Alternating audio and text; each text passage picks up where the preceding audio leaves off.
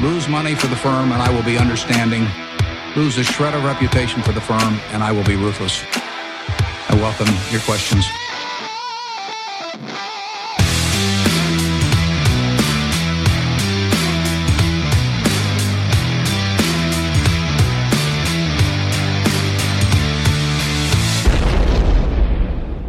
Välkomna till Kvalitetsaktiepodden. Det är jag som är Ola. Jag som är Marcus. Ja, och det är jag som är Klas. Det här är avsnitt 112 Så är som spelas in eh, torsdagen den 3 mars. Mm. Eh, ja, det är märkliga otäcka tider Ja, i vår direkta omvärld. Det ledande skiktet i diktaturen Ryssland med Putin i spetsen har invaderat eh, fred, den fredliga unga demokratin Ukraina. mm. Man har ju då använt propagandaargument som är ju för oss direkt löjeväckande. Eh, Det som är mer skrämmande är väl det, det är så svårt att förstå den verkliga agendan. ja jag, jag, jag vet inte vad, liksom, hur ska han kunna bli nettopositiv på det här på något sätt? Ja. Jag, jag, jag fattar inte hans, hans argument riktigt. Ja, antingen så är ju den här ryska ledningen otäckt paranoid. Mm. Eller så kan det ju, jag vet inte om man ska säga förhoppningsvis vara extremt utstuderad då. Och det är ju att de är beredda att göra vad som helst för att behålla makten. Det finns inget pris i mänskligt lidande eller människoliv. Eller inskränkningar i medborgarnas personliga frihet och rättigheter. Och då spelar det ingen roll om det gäller invånarna i Ryssland eller i de länder nu då som Ryssland anser ingår i deras, eller Putin Mm. anser ingår i deras så kallade intressesfär. Ja, det är lite svårt att veta också om det är Ryssland eller mer Putin med närmsta Mm. Närmsta människorna här som, som ligger, alltså det, det är på något sätt har det blivit Putins Jo, krig. men det är så med di- diktatorer vet Jo, du. det är Mm. så. Nu har det ju tyvärr eskalerat här. Nu utövas det ett eh, brutalt direkt våld mot Mm. civila byggnader och direkt mot civilbefolkningen i Ukraina. Som de ju faktiskt ljuger om att de vill rädda. Mm. Så vi hoppas att Putin snart eh, förstår och bryr sig om att västvärlden aldrig kan tolerera det här övergreppet. Och vi skickar naturligtvis våra tankar till Ukrainas tappra folk. Mm. Jag vill även här faktiskt skicka en tanke till de säkerligen många både förvirrade och ibland kanske till och med livrädda i vissa situationer i alla fall unga män i den ryska armén. Mm. Som nog hellre skulle göra allt annat än att döda sina ukrainska grannar eller själva dö i ett krig de inte förstår eller stödjer. Mm. Eh, om de bara såg en väg ut ur den här sinnessjuka situationen skulle, tror jag de omedelbart skulle ta den. Det här har vi lärt oss, så är det i alla krig. Ja, Det är inga vinnare. Herrarna, de ger order och Mm. de unga männen och numera oft, oftare oftare kvinnorna också Mm. dör även bland de stridande så att säga. Mm. I krig finns bara förlorare. Mm. Så har det alltid varit och så kommer det alltid vara. Tyvärr ja. Eh, ja, trots den här otäcka utvecklingen i världen så är ju börsinvesteringar vårt arbete. Det är Ja. det vi ägnar oss åt. Mm. Även i orostider och även om det faktiskt är ovanligt svårt att hitta det där Glädjen och Glädjen och motivation. engagemanget. Mm. Precis. Mm. Men eh, de som lyssnar på den här podden, ni som lyssnar på den här podden, vet ju att det här är en aktiepodd. Eh, och det är bolag och aktier vi kommer att prata om. Även om vi känner starkt för folket i Ukraina och deras kamp. Mm. Mm. Så om vi återgår till själva podden så har vi nu sett slutet på rapportperioden. Ja. Och vi kommer att kommentera på ett antal bolag som rapporterat sina Q4.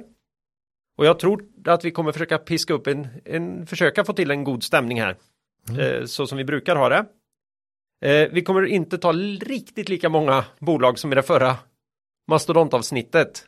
Jag tror det blir en 7-8 stycken någonstans. Mm. Eh, sen senast då så har jag förutom en nyhetskonsumtion långt utöver det vanliga ägnat mig åt skidåkning i Sälen under sportlovet. Härligt. Jag har hjälpt mina föräldrar med att installera bredband och tv i deras nya bostad. Mina syskon fick hjälpa till med flytten då när jag var uppe i Kläppen. Det är ju allt handlar ju om timing. Mm. Jaha. Eh, jag försöker också bli av med eh, det här ryggskottet då. Jag drog på mig under den här semesterresan på grund av att eh, batteriet i bilen började bråka. Mm. Mm. Just det. Ja, Ja, det är är åtminstone bättre med, med ryggskott än andra skott så att säga. Ja. Mm. Ja. Det kan vi eh, överleva på ett helt annat sätt. Mm. Vad har ni gjort då sen senast? Ola, Macke? Ja, det blev, sportlovet blev inte så mycket ledigt som jag hade tänkt från början. Det har ju hänt så himla mycket. Eh, jag vet inte vad jag har gjort egentligen. Jo, förresten, för första gången i mitt i mitt liv har jag varit hos en så kallad notarius publicus, det kan man ju säga. Ja, det var ju häftigt. Vi har ju hållit på att investera i ett tyskt bolag här. Mm, mitt i allt. Onoterat bolag och eh, ja, där är det andra eh, regler. De vill ha stämplar. De ska ha stämplar och sigill så Mm. att säga. Ni vet de här gamla, du vet man... man Laxsilen. Ja men lite, det var en Hade sån... han en speciell ring då som man... Ja, det var runt själva pappret satt, eh, var det liksom som en sån här, eh, alltså stearin. Mm. Eh, Det är bra. Klutt. klutt med, med, med ett sigill på alltså. Det var, det var verkligen som de här eh, 1700-talsfilmerna. Ja, gömde han en brasklapp i där också till detta? Nej. Nej men det kan väl ta. Eh, det var en, eh, ny- ny erfarenhet. Det, är väl en, en ny erfarenhet senaste veckorna här. Mm. Vi brukar ju köpa våra bolag annars ur bakluckan på någon parkering någonstans. Att, Mm, ja, nej. det här är lite mer seriöst. Nej men eh, i Sverige är det ju ofta okej med digital signering nu och så, så ja. Vi kan säga att det är en bit bort här. En bit bort ja. Mm. Nej men så det, det har jag väl gjort. Ja. Marcus då? Nej men jag försökte få lite avbrott i rapporteringen om kriget genom att gå på eh, med, med Krimpen på premiären av teaterpjäsen Lehmann-trilogin Ja, det är ju fantastiskt. på Kulturhuset. En finansteaterföreställning. Ja, det var, det var kul.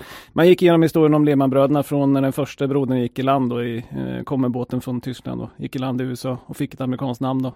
Mm. Mm. Eh, nej, väldigt kul pjäs för mig som inte brukar hänga på teater. Bra historielektion. Eh, enormt imponerande också. Det var tre skådisar, de spelade 90 roller. Jag höll på i fyra timmar. Var det liksom olika röstlägen och så på alla? Eller? Ja, lite så, de bytte lite kläder, men ibland var det lite svårt att hänga med när de hade bytt Okej. roll liksom. För du vet, man har ju sett de här, du vet, de tar av en hatt och så så sätter de på en hatt va? Och, Ja, Ja, lite åt det hållet, men inte riktigt så. Nej, okej. Men man Nej. fick försöka hänga med. ja, Ja, det ja. var lite, det var ju en tidsresa här också naturligtvis. Så att Ja, det var, Ja, det var söner och det var pappa och det var, nej men det var många, Lehmann. Ja. Men Fy, fyra timmar, känns lite långt. Ja, det var ganska långt. Men det är ju ingenting för de som lyssnar på den här podden. Kan jag ju säga. Så att det är ju, det är ju bara som en liten inledning. Så det är frågan, rekommenderar du den här? Ja, absolut. Ja, Så du jag var sjukt nöjd. Ja, jag tyckte det var jättebra. Och Krimpen gillar den också vad jag Ja, förstår. han tyckte det var kul. Ja, härligt. Nej, men vilken grej. Missa inte den nu då. Nej. Nej, den går ett tag till tror jag. Japp. Eh, så den rekommenderar vi verkligen. Får se om vi kanske kan komma iväg Ola. ja, det vore jättekul. Ja. Eh, kom ju, började ju här mitt i våran, i vårat sportlov så att säga. Ja. Mm. Mm. Eh, ja. Men idag har vi också med oss, som vanligt med oss vår huvudsponsor Cavalier Ja. AB. Och i de här orostiderna så blir vi ju åter påminda om värdet av att sprida sina investeringar över många stabila lönsamma bolag, över många branscher och gärna då över bolag med globala kunder. Mm. Mm. Eh, och ett sätt att få hjälp med det är ju att investera i Cavaliers fonder. De har ju både Quality Focus och sin investmentbolagsfond. Eh, och eh, vi vill ju också påminna om värdet av ett månadssparande också här va? Ja, den tycker jag är många som gör det ju. Ja. Sparar lite varje månad. Men Och det, det tar ju ner de här riskerna av att Tajma- timingrisken. Ja, precis. Om man, liksom, det blir ju en snittinköpskurs då eh, så att säga Mm. på börsen. Man, och, om man sätter in lika mycket varje månad så. Men det gäller ju fortfarande att hitta skapligt bra bolag. Ja, det gör hjälper det inte. Nej, det hjälper inte. Nej, nej, Nej. nej. Nej. Eh, vi kommer ju återkomma till den här lilla ska vi, ska vi säga nedgången som har varit här. Mm. Som började faktiskt redan innan det här eh, kriget då. Ja. Eh, Peter Håkan vill naturligtvis också skicka en tanke till Ukrainas folk och de hoppas ju på ett snabbt slut eh, på det här vansinnet. Ja. Precis som vi alla gör. Och eh, vi ska då komma ihåg att historisk avkastning i fonder inte behöver vara en indikator på framtida avkastning och att ni kan förlora delar av, er, delar av ert satsade kapital då fonder kan både gå upp och ner i värde. Mm. Tack säger vi till vår huvudsponsor Cavalier AB. Ja, eh, vi vill ju som vanligt också tacka vår samarbetspartner Börsdata. Ja. Det är värdeinvesterarens bästa vän. Du Ola sa ju här spontant eh, att du funderar ju på att ta efter den här extremt turbulenta rapportperioden trycka upp en t-shirt med det klassiska hjärtat och texten I love börsdata. Ja, ni har sett den, I love NY va? Ja. I love New York och Ja. det här va? Eh, en sån. En sån. Ja, hel, jag tror nästan helst i svart va? Jag har ju den här svarta Mm. bakgrunden på börsdata va? Ja. Eh, nej, det, det är nästan, jag ska nästan göra det. Ja. I love börsdata. Mm. Tar dig ur många, sparar extremt mycket tid Ja. och eh, ger dig ro i sinnet Ja. när du snabbt kan hitta det data du behöver. Exakt. Och som vi alla vet så har ju George eh, också lovat att eh, komma med ännu fler spännande nyheter under våren. Mm. Och där sitter vi ju spänd förväntan. Ja. Eh, George och de övriga på Börsdata vill även de skicka en tanke till Ukrainas folk Ja. i denna svåra tid. Mm. Och eh, ja, hoppas att det ska bli en snar lösning i alla fall på dödandet. Ja. Eh, tack säger vi till Börsdata. Mm. Eh, vi vill här även då passa på att berätta att vi i samarbete med våra sponsorer valt att skicka 10 000 kronor till UNHCR och deras arbete i Ukraina. En länk till dem ligger i avsnittsbeskrivningen. Varför just UEHCR då? För om, ni, om våra lyssnare själva vill göra en insats, vilket jag tror många redan har gjort, Ja. men om man inte har gjort det eller vill göra mer så kan man ju välja till exempel just UNHCR eller Unicef. Mm.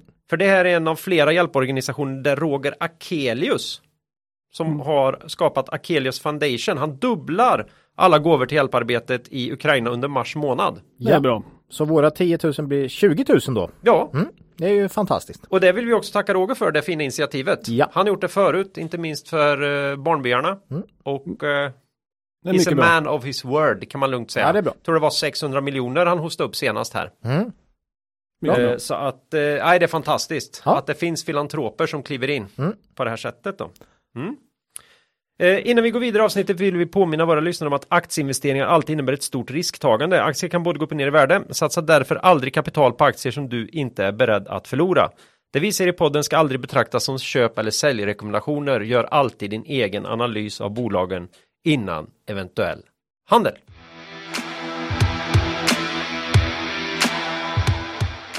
Ja, vi har väl en del aktuellt idag ändå.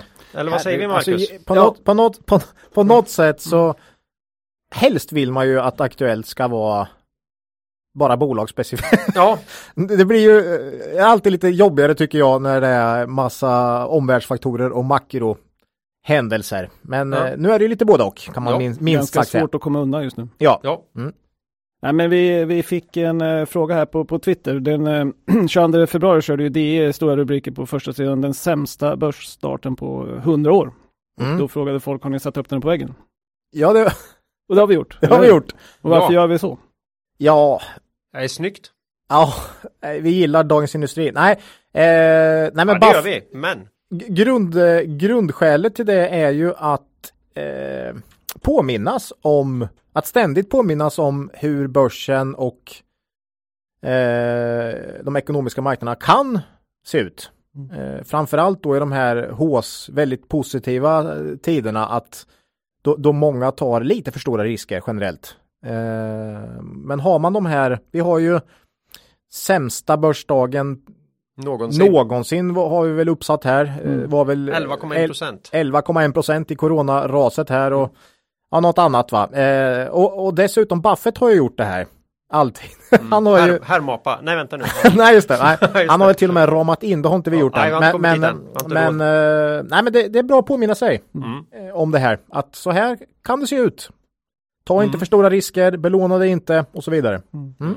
Sen tycker vi fram till de sista dagarna här att det har ju mest varit den högt värderade delen av börsen som har fallit. Eh, ganska tydligt så, Ja. eh, skifte. Ja, Absolut, solklart. Nu senaste dagarna har det blivit lite mer urskiljningslöst, men eh, från eh, innan här så har det definitivt varit det högst, högt värderade som har tappat. Och det kan väl hoppas att de som lyssnar på den här podden i alla fall har klarat sig lite bättre än snittet. Lite bättre än snittet, Eh, ja. Om man, Det om här- man köper vår typ av bolag. Ja, Ja, även den här utvecklingen på börsen visar ju på att det här kriget är lite annorlunda än, eh, än de krig vi har sett i, i modern tid. Då börsen bara har väntat på krigsutbrottet, och gjort en snabb analys och sen har det varit rakt upp kan man säga. Mm. Så det- har det ju inte sett ut här ännu.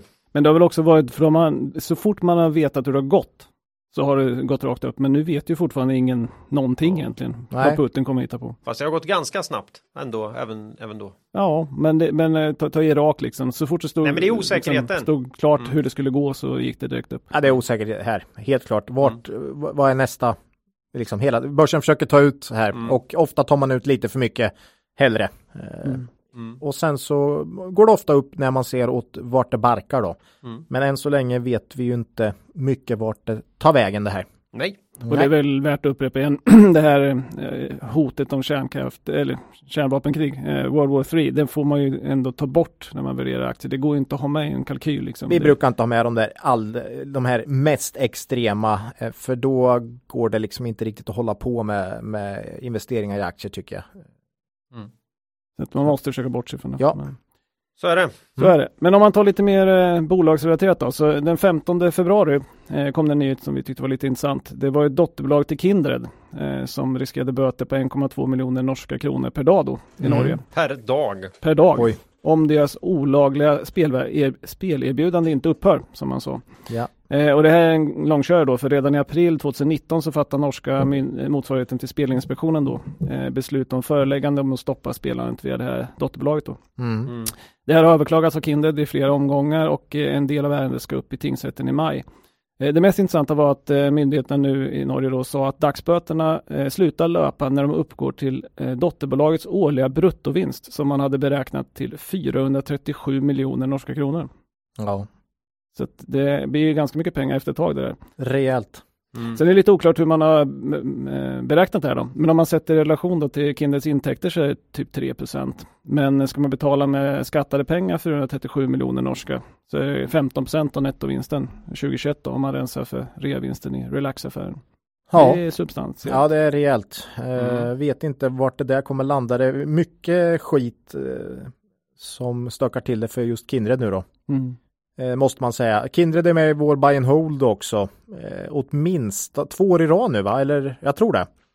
Eh, och eh, ja, det är ju på lång sikt. Jag såg att Kindred är ner 9% i år så ändå bättre än, än börsen faktiskt i stort då. Eh, Mm.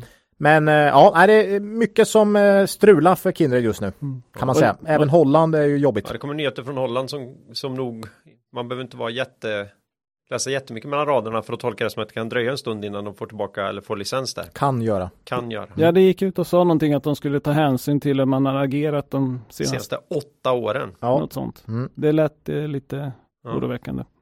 ja vi, får se. Men det visar Mm. som vanligt på de regulatoriska riskerna i den här sektorn. Då. Ja, Eh, 22 februari då, eh, kommer de här Wise Roy Research ut med en blanka rapport om SBB. Eh, Det var lite kul namn på den tyckte jag. Du menar samhällsbyggnadsbolaget? Ja, Ilias lilla exakt. låda. Mm. Samhällsbyggnadsbolaget, Hard to pronounce, harder to justify value, Nej! hette den. Tyckte jag Oh! ja. var lite fyndigt. Nej, men jag såg att någon samman, jag har inte läst hela den här, men jag såg att någon sammanfattade med att eh, Viceroy tyckte då att SBB har eh, många närstående transaktioner, många intressekonflikter i affärerna man har gjort. Eh, man har omotiverade höjningar av fastighetsbeståndets värde eh, och sen tog man upp Ilias bakgrund från Rikshem då och eh, de här insideranklagelserna som han råkade ut för. Eh, vi har ingen direkt åsikt om SBB för det är inte vårt specialområde och vi följer inte bolaget. Nej.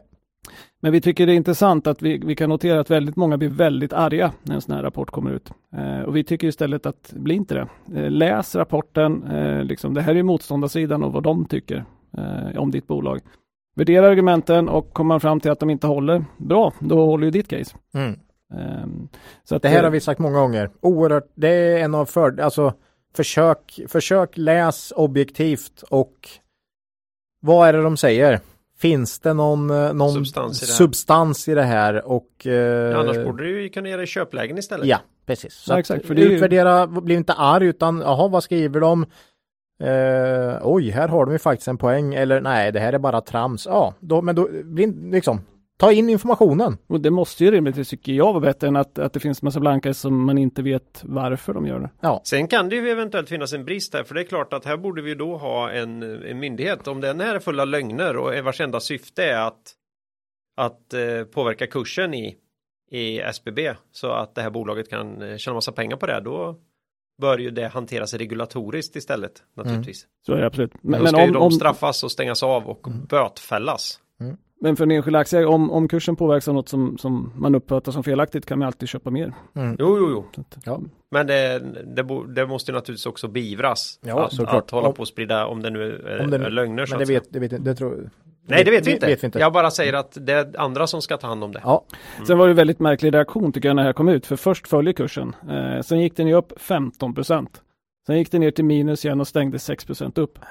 Sex upp. Ja, Ja. jag vet inte om jag har sett sådana här. Alltså anhängarna av den fullständigt effektiva marknaden, de får ju lite svårare varenda dag tycker jag att motivera. För var då? Men stängde de inte den där positionen sen också?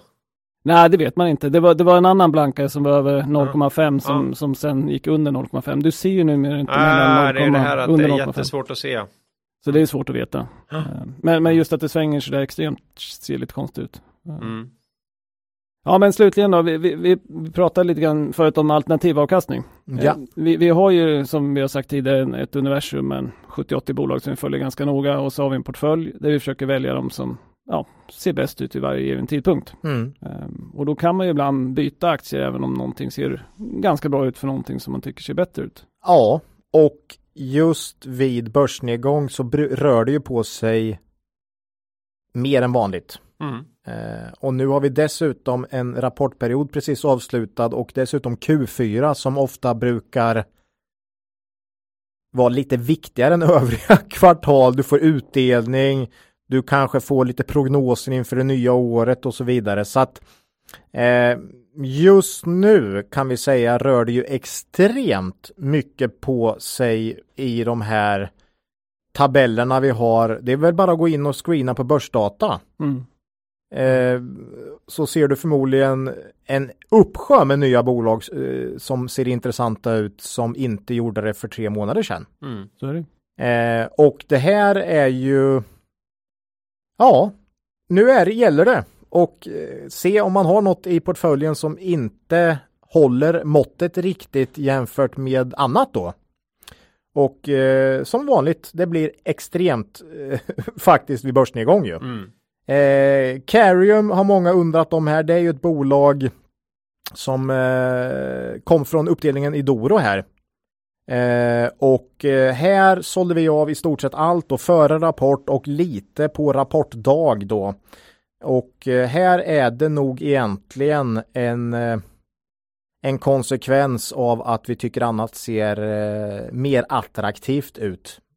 Och det I vart fall på kort sikt. i vart fall på kort sikt ja. Mm. Eh, och det här är ju Dels har du ju någon form av den här margin of safety vi brukar prata om. Eh, vad är ett motiverat värde? Eh, men även någon form av risk eh, parameter här eh, som man hela tiden måste väga in eh, riskjusterad potential på något sätt. Eh, ja, och så är det är extremt mycket utvärderingar av, eh, av innehav just nu. Så kan vi säga. Så är det. Eh, Svedbergs, nytt bolag om vi ska ta något som har kommit in här. Mm. Eh, har vi har köpt ju in? fått en del frågor på, på det. Ja. Vi, vi, vi sa ju när vi körde dem senast att vi utvärderade och tittade noga på det. Mm. Och så sa vi också att vi ska kolla i prospektet som kommer eh, rörande nyemissionen vad man sa om Roper Roads då, det här förvärvet som man genomför. Ja. Eh, Och nu har vi ju då fått prospekt och fått en massa siffror här. Så att vi eh, kollade lite grann på det där. Eh, Och mellan 2018 och 20 så hade Roper Roads då en ebit-marginal på 8,8 till 11,2 Mm. lägst 2020. Men 2021 slog man till med 16,8. Ja. Galet eh, förbättring där. Mm. Eh, omsättning var stabilare mellan 672 och 885 lägst eh, 2020 högst 2021. Eh, stabil bruttomarginal mellan 34 och 35 procent frånsett 2021 när man slog till med 37,4. Mm. Och det var ju lite där vi trodde kanske att 2021 var lite inflaterat Ja. eh, och att man köper på topp. Pe- peak earnings. Det brukar ju ibland vara så. Ja. Eh, Men vi har ju nu lagt in ett mer normaliserat då, Roper Roads eh, för, för, för kommande år här. Men då har vi fortfarande 4,1 i vinst prognos. Per aktie för Svedberg som För helhet Svedbergs. för i år ja. Mm. P 9 och det är ju lågt. Mm. Ehm, Så att eh, vi har köpt tillbaka, eller köpt Svedbergs här igen då. Mm. I, på slutet här i emissionen. Här, har, här har vi ju än en gång fått se det här att eh, kursen ofta rör sig mot eh, emissions Teckningskursen. täckningskursen. Eh, och Oavsett hur konstig den är. ja, det var väl lite våran teori även här, eller det var, jag ska inte säga lite, det var det, var det som var vår teori även här då. Och eh, En av anledningarna till att vänta. en av anledningarna till att vänta och eh, så vi har ju köpt in Svedbergs här nu under 40 kronor i snitt och köper även idag här. Eh, vet jag. Eh, det är sista dagen för teckningsrätterna här idag va? Ja. Eh, så får vi se. Eh, men eh, Svedbergs som sagt, om Carium är ett bolag vi har lämnat då så är Svedbergs ett vi ett vi köper och så här är det lite mer än vanligt just nu då. Eh, Carium på sikt. Jag har kvar Carium i mitt, mitt pensionsspar kan jag säga redan här och Carium på sikt ser oerhört lågt värderade ut skulle jag säga. Eh, om man lyfter blicken framåt. Eh, så att... ehm, Nej men jag har Carrium också, Ja. både, både i pension och i ett annat sparande. Men här i bolaget har vi någon form av eh, ständig alternativavkastning, relativ, re, relativitetstänk här. Mm. Eh, även på lite kortare sikt då. Så att eh, mm, Svedbergs nytt bolag här. Japp. Får vi hoppas att, eh, eh, att det, det blir en bra investering. Mm. Ja, och sen blir det ju lite krigsskugga över podden igen här då. Vi måste nog ändå säga någonting om G5. Mm. Är iGaming-bolaget som har nästan hela sin personal i eh, Ukraina och Ryssland. Mm. Med tyngdpunkten i Ukraina där man har utvecklingssidan då. Ja, precis. Eh, och vi har en del aktier i G5 och vi har valt att, att behålla dem Mm. kan man säga. Vi har köpt en del senaste dagarna eller veckan. Eh, och än så länge väljer vi nog att behålla det här. Vi tror ju inte att vilken katastrof det nu är då för G5s personal här. Eh, framförallt de i Ukraina än så länge såklart. Mm. Eh, så krasst ekonomiskt så tror vi inte att G5s intäkter kommer påverkas nämnvärt på kort sikt här. Eh, de människor som sitter och spelar deras spel runt om i världen eh, eh, kommer nog fortsätta göra det. Mm. Tror vi. Och befinner sig ju inte i Ukraina eller Ryssland. Nej, utan Till- det är ju intäkter först och främst från USA, eh, 50 procent. Eh, så även dollarförstärkningen borde ju gynna eh, G5 här. Mm. Eh, men det är ju jobbigt att vara krasst ekonomiskt när man eh, tänker på de anställda i Ukraina här. På lite sikt, eh, och då menar jag kanske på några kvartal här, så kommer, måste man ju ha, ha människor anställda som kan jobba med uppdateringar och utveckling. Så att det blir ju ett problem att lösa för G5 Entertainment. Eh, vi får se. Det är ju ett svenskt bolag Ja. med huvudkontor i Stockholm. Mm. Eh, så ja, de har säkert att, eh, att göra och vi, vi tänker på de anställda faktiskt. Eh, först och främst inte vår inte vår investering just nu skulle, jag, skulle jag säga. Eh, så Och det är alldeles upp, uppenbart att eh, det är så bolaget agerar också här. ja, Alla har fått betald ledighet i två veckor till Ja. att börja med och mm. vi hoppas väl att man ska fortsätta att stötta så länge man kan. Och G5 har väl gått ut och sagt det man kan göra att eh, våldet måste få ett slut och sådär. Mm. Eh, så att eh, ja, vi får se. Ja, Men, det, men sen- det, det är ett bolag vi har kvar och som sagt det har ju gått ner en hel del på slutet och kan mycket väl fortsätta gå ner. mm. vi, ja har alltså väl, det, vi har väl på våran gissning en, eh, när vi har gissat för 2021, eller 2022, vi får nästan kalla det gissning, men, men, men där vi har försökt att gissa oss till så har vi P 7,6. Eh, Och det är ju väldigt, väldigt lågt. Ja, det ligger de många prognoser runt. Vi sticker inte ut där utan Mm. det är det många tror. Nu kanske många tror att det inte blir så bra eh, på grund av att man inte har eh, har fulla team då just för tillfället. Eh, svårt att säga, men eh, vi ska också komma ihåg det här att eh, bara för att det är P 7,5 det kan lika gärna gå ner till 5. mm. Eh, Ja, precis det jag tänkte säga. Vi har pratat en del om det att lika vansinnigt som det är att, att värdera Nibe till, sju- eh, till P70, mm, vilket har gjorts under lång tid och, Mm, och ja. så kan man ju värdera G5 till P4 ja, jätte, jättelänge också. Det, det, Marknaden kan eh, överreagera både uppåt och neråt eh, och innan man har något facit så vet man heller inte om det är en överreaktion. Det ska är man också komma ihåg. Ibland så är börsen eh, så, är, så, är, så blir det faktiskt illa. Mm. Eh, eller så positivt som man säger att det var inte P100 utan det var faktiskt bara P30 här Mm. på två år bort. Så att, ja. eh, men, men som sagt, kom ihåg det att börsen kan, det kan fortsätta länge. Är det inte Lynch som kör den här, han köpte på 16 kronor eh, och sen sa han bought the stock at 12. Nej, 16. ett 16. Later it went. Eh, och eh, han ringde sin mamma på 8-9 någonting. Eh, och det gör han bara i de här extrema när han tycker något är galet. It later went to 2 liksom. Eh, ja, då var nere på 2. Och eh, ja, så kan det vara. Sen sålde han eh, i, något år eller ett par år senare för 32 om jag kommer ihåg rätt. Så då var det 100% upp då. Men man vet aldrig. Man vet aldrig och i samma, samma tal som han berättar om det här så säger han också att han fortfarande inte känner till ett bolag som inte har några skulder som har gått i konkurs. Mm. Eh, så det var ju en av hans tes, en tes han hade om det här bolaget som var skuldfritt då. Mm. Och det kan vi ju säga om G5 också som har en nettokassa på över 100 miljoner och inga skulder. Så att Mm. det är ju en fördel här också. Ha, Mm. eh, Men, men som sagt, hög risk. Gå, Hög risk. gå inte all in och ingen belåning. nej, vi, precis så är det. Vi brukar ju annars eh, tycka att det är värt att låna lite i den här i den här Nej, podden. nej. nej, nej, Nej, gör inte det. eh, vad, Jag har ja, sålt en njure någon gång ibland. Ja. Men eh, det är det längsta vi har gått. vi brukar nog säga var alltid försiktiga. Nu kan man kanske säga var, mm. ja, Var, var, var, var minst lika extra. försiktig som man alltid ska vara. ja, en den sam. Ja, Mm. så är det. Det var lite Var om det G5 aktuellt? också. Ja, det var väl en hel del va? Det var väl en hel del, lite bolag också. Ja, Mm. Så eh, vi tjuvstartade lite på bolagsdelen där kan man lugnt säga. ja, Så vi eh, går ut hårt här. Man, man kan väl säga det, vi, vi får in en del frågor på Twitter och så här. Vi kommenterar ju inte vad, Mm. vad vi gör och handlar på Twitter, utan vi vill i sådana fall ha ett resonemang kring det i podden. Så att säga. ja, Mm. och vi, ja precis. Vi lämnar det faktiskt ofta okommenterat men eh, ni kan väl få A for effort. Ni som försöker. Ja, Rätt som det är kanske man har misstag en dag.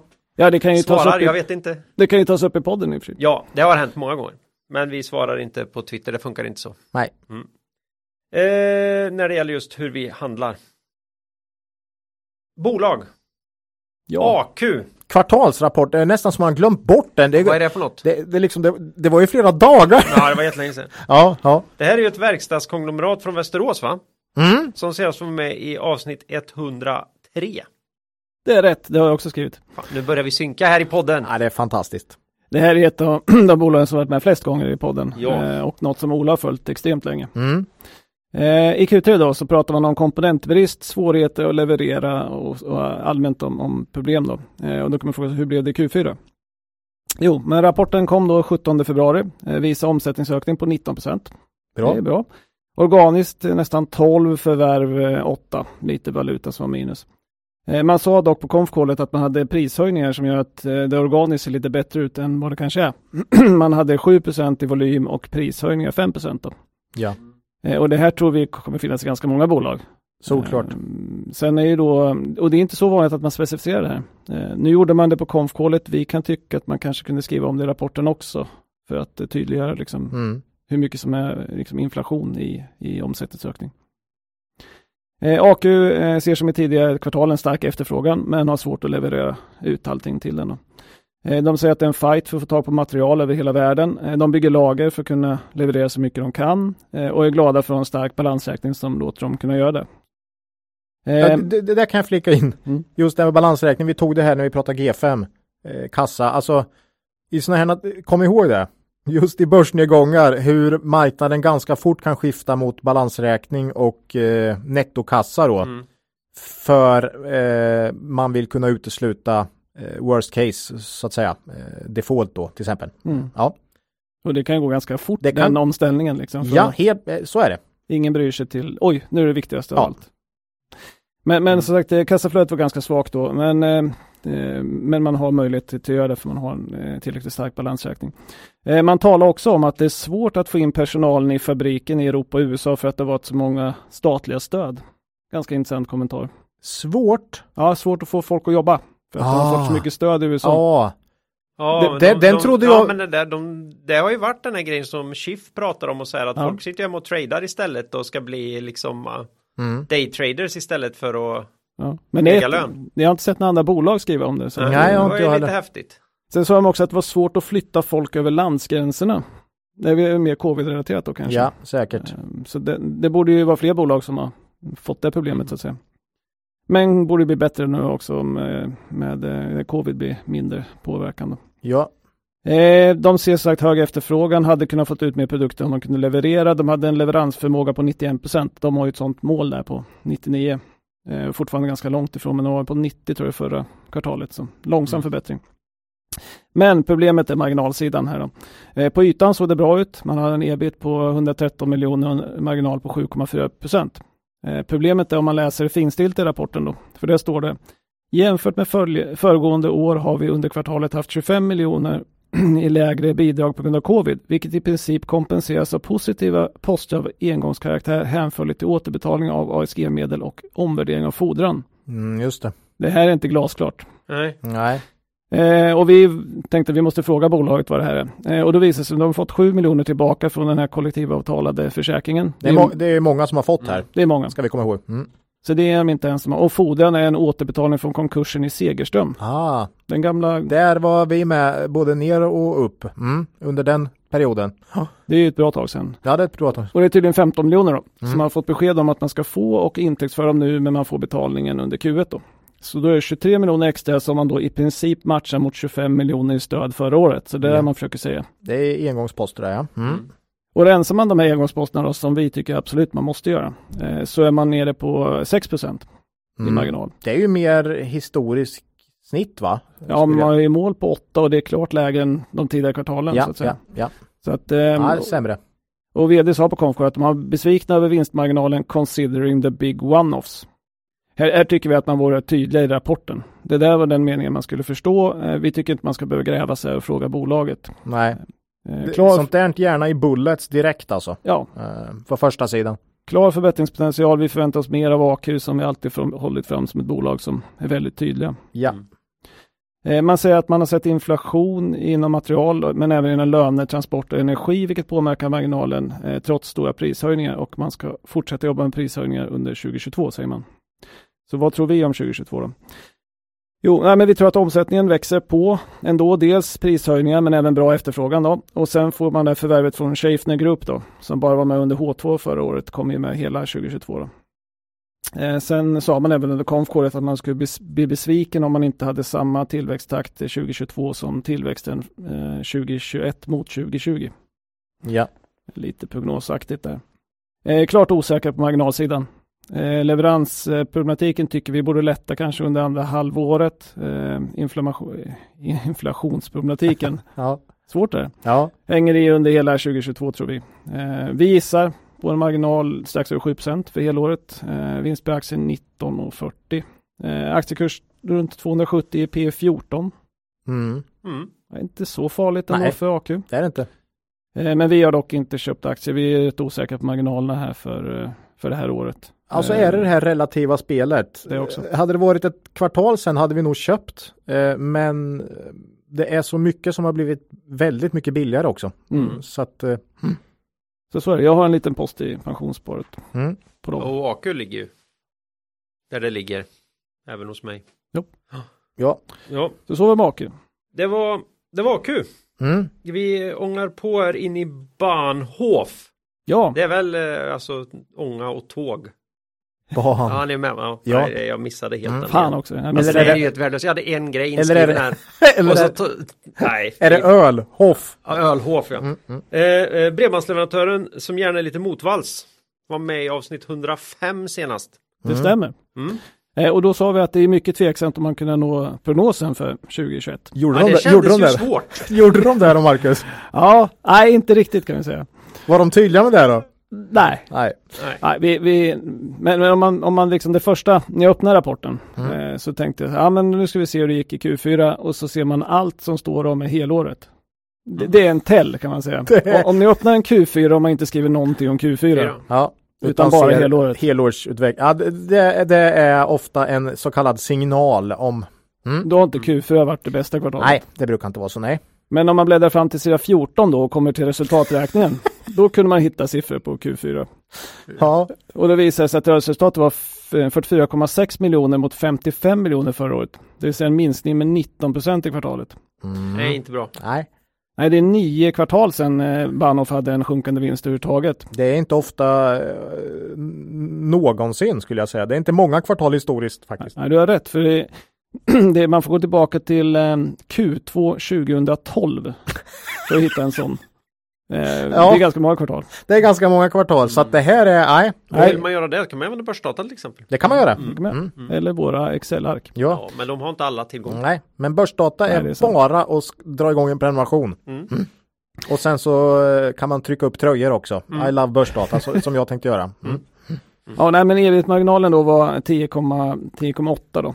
Eh, slog precis 10,7 i Q4 2016 men annars får man gå tillbaka 2011. Nej, så det var inget bra kvartal och det Nej. var ju till och med sämre än vad vi trodde. Vad, Eh. vad, sa de något om vad det berodde på?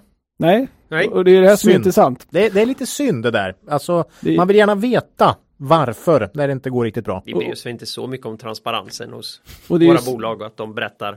och det är ju särskilt när det går lite sämre som man verkligen vill Ja. veta. Ja.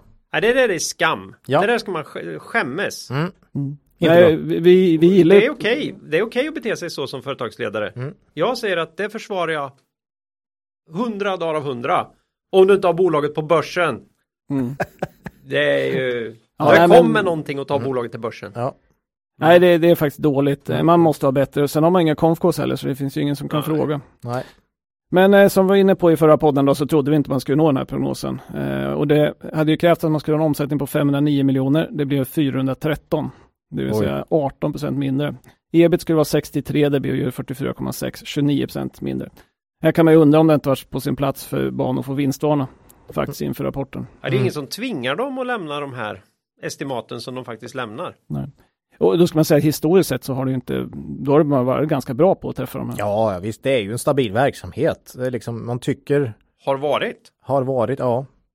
Jag tror att han öste in pengar i det här nya El utvecklingsprojektet. element, det här nya inom citationstecken. Mm. Ja, men de har inte börjat bygga den, det vet jag jag. bara skojade. Ja. Det där, är bara, det där var Ja. trams från mig. Jag har ingen aning om vad han håller på med Nej. i Elementica. Förlåt. Men, men som sagt, man missade helårsprognosen då med 5,6 procent på omsättningen, 9,25 procent på ebit då, så det blir inte lika mycket miss på. Men, men det var ju konstigt att man höll kvar den i Q3, tycker vi. Ja. Eh, men man gav en ny prognos. Mm. Eh, nu säger man för 2022 att man ska omsätta 1,7 miljarder och få ett resultat på ebit-nivå på 200 miljoner. Det var samma som, Det är exakt samma prognos som för 2021. okej, så man, egentligen är man ett år efter det här bara nu då? Ja, typ. Mm. Ehm, och då krävs det inte mer än en omsättningsökning på 5,6 procent. Det är ju historiskt lågt för att vara Bahnhof. Ja, det är klart under histori- historiken så att säga. Men det positiva, jag, jag läste, eh, om, om vi ändå ska vara lite positiva så är det lite expansion ut. Ut. Ja, vi, vi kommer till det. Bra, Vi kommer till det. bra. Kommer Jag, jag någon- tänkte så, så att vi inte var... Där kommer vi inte heller vara så positiva Ola. Jag är jätteledsen. Det var det här med informationsgivningen igen. Okej, okej, okej. Mm. Mm. Nej, men kursen gick ju inte ner mer än 3 procent. Nej, Otroligt. ofattbart. Otroligt. Det, det trodde inte vi när vi läste rapporten. Nej, minus 10 hade jag nog gissat. Om, om någon Ja. hade satt pistol mot mitt huvud och sagt gissa stängningskursen i Bahnhof idag, då hade jag sagt minus 10 procent. Mm. Mm. Så på det sättet var det väl aktieägarvärde då att inte vara så tydlig med hur jävla kass Q4 var. Så då får jag väl backa på det här. Det, det kanske är det enda jag bryr sig om aktieägarna. Det är ju ett stabilt kursen. och bra bolag, Ja. långsiktiga aktieägare säkert många, så att Mm. det kanske är... Det kan ju vara så att man har ganska stort förtroendekapital och Ja. man Ja, ser ja, det som en lång placering. Ja, så att, precis. men man säger då i rapporten att företagsaffären haft svagare tillväxt under eh, helåret än, än eh, vad man trodde när man började året. Um, det var 5% i Q4, det är ungefär snittet på 6% sticker inte ut så mycket i Q4. Det som sticker ut i Q4 är dock direkta kostnader. Ökar 23,5 miljoner, 8,5 procent. Eh, och det är ju största orsaken till resultatfallet. Ska vi gissa på ökade energipriser? Eh, kan vara så ja. Det drar ju en del ström. Men, Ah, han har inte heller Headshot. headshot. datacenter är lite energikrävande. Så vi gissar på att det är det. Nu har de inte sagt det Varför tar själva, han men det rörligt? Mm. Han har ju fasta priser mot sina kunder ju. Ja, nej, jag vet inte. Alltså det, det här skulle de ha behövt prata om. Så hade det Ja. varit lite lättare. Och vilk, vad gör de för att undvika det framöver? Hur ser det ut? Nu får man ju Eh, sitta och gissa lite här. Ligger de på Mm. rörligt med Skellefteå Kraft här, eller vad, vad, är det, vad gör de Mm. liksom? Det är, mm. Så att man, man vet ju inte och det är det här såklart som de Förhoppningsvis skulle är ha det sagt. förnybar el. Jo, Eh, sen, sen kan man väl även läsa ut att det kan vara energipriser för att de hade ju ett helt avsnitt i rapporten där Karlung sa att han skulle ha propagera för ett mindre kärnkraftsreaktor i eh, norra eh, Djurgårdsstaden då, när man ska bygga Elementica. Det var ju ett intressant in, inslag i energidebatten. ja han brukar ju provocera lite Ja, nästan. han har ju också varit ute och krigat mot den, eh, helt, helt rätt har han ju där, den här helt orimliga skattelättnaden som, som riktigt stora Ja. Datacenter har i Sverige. Mm. Den höll jag ju på och bråkade med mitt, i mitt gamla liv. Det där är populism och skit och så Mm. där ska man inte, så där ska man inte behandla verksamhet. Nej men han brukar ju ta fighter. Eh, Mm, så där både är här och han där. helt rätt ut Ja. alltså. Och det gillar vi. Eh, Ja. Energifrågan lär väl bli en av valets stora frågor också. Så att, eh, Ja. Vi får se. Eh, en annan fråga då som man tar upp, i- uppe historiskt är hur mycket kan man växa egentligen när man börjar på svenska marknaden? Mm. Eh, och här kastar man ut ett litet köttben då i Q4-rapporten när man så hade en bullet point som stod etablering i Norge och Danmark. Punkt.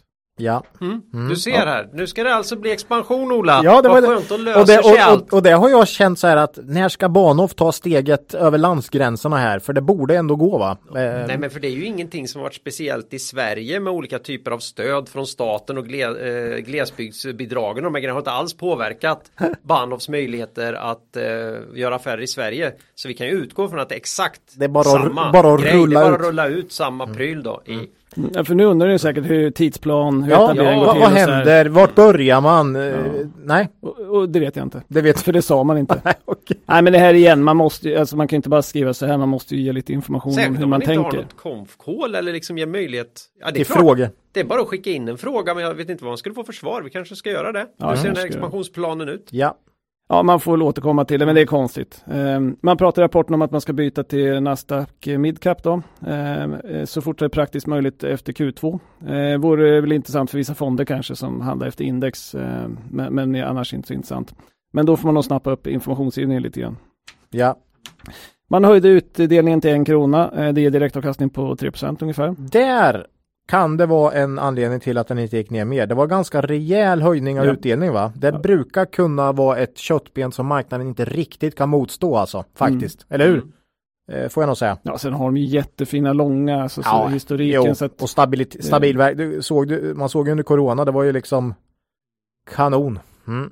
men vi har ju fått skruva ner våra prognoser då. Jo, eh, efter rapporten. Eh, Vi tror eh, nu att man precis når den här omsättningsprognosen. Det är ju inte någon hög ribba då om man tittar historiskt sett. Mm. I och med samma prognos som året innan. ja. Eh, tror på en vinst per aktie på 1,43, aktiekurs 32, ger det PI på 22. Ja, det är lägre än på länge va? Mm. Det är lägre men är, då måste man ju växa mer än vad man liksom har i den här prognosen. Ja, jo, lite så.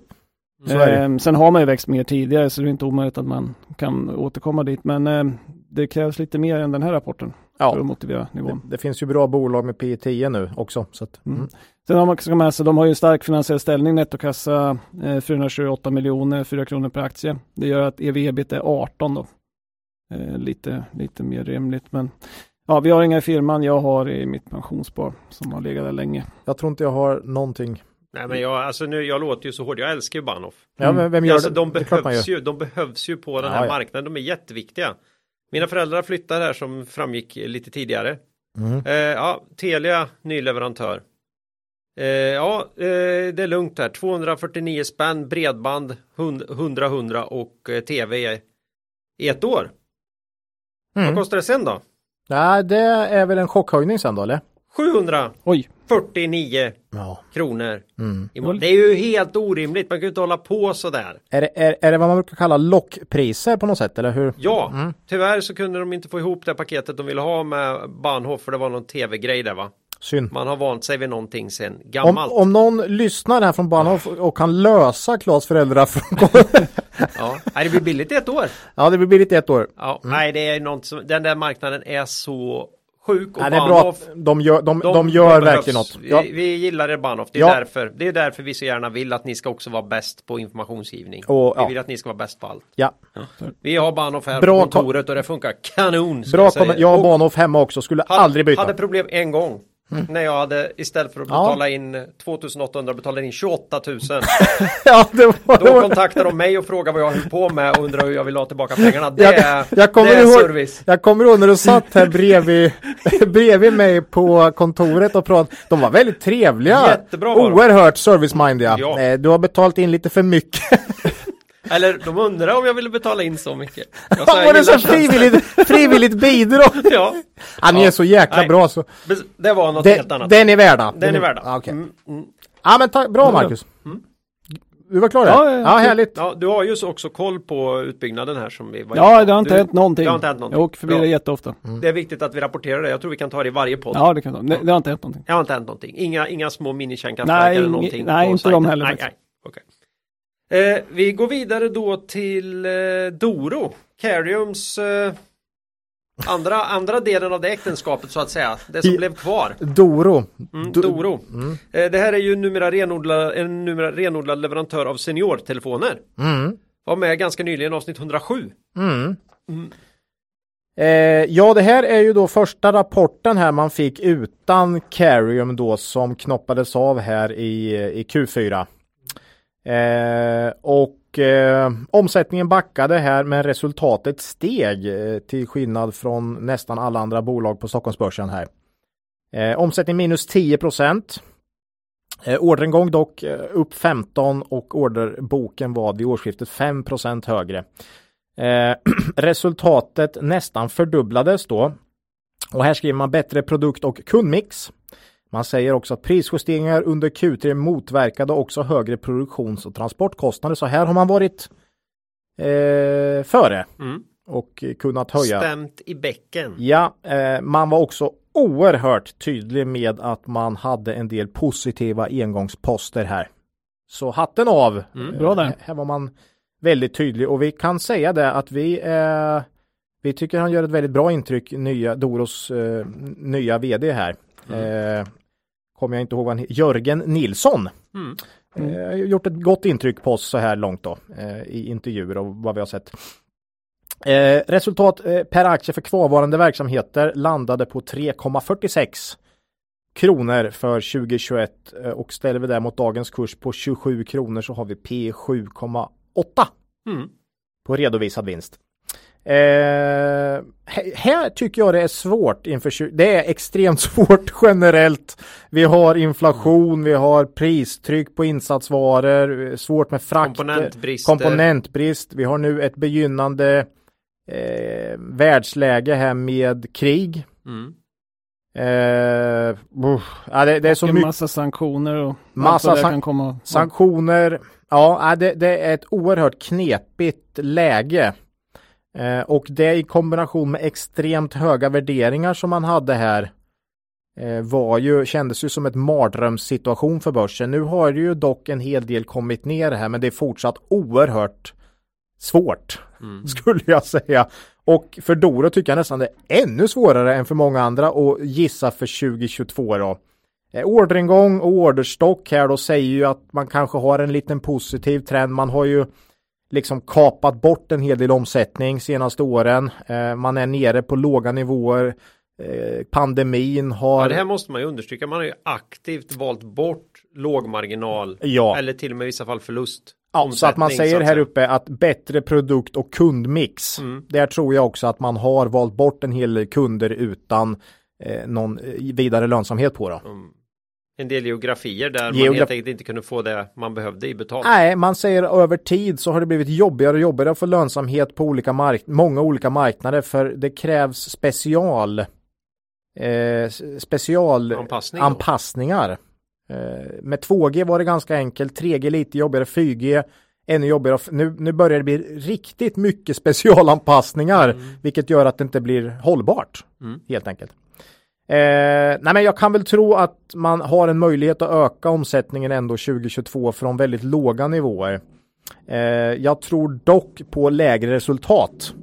Eh, det känns, näst, det känns för, för bra lönsamhet just nu. Man, man gick också in här i Q4 med väldigt slimmad organisation. Carium tog en hel del av de här overhead personalen, eh, vilket Doro inte hade då i, i sin resultaträkning under Q4 här.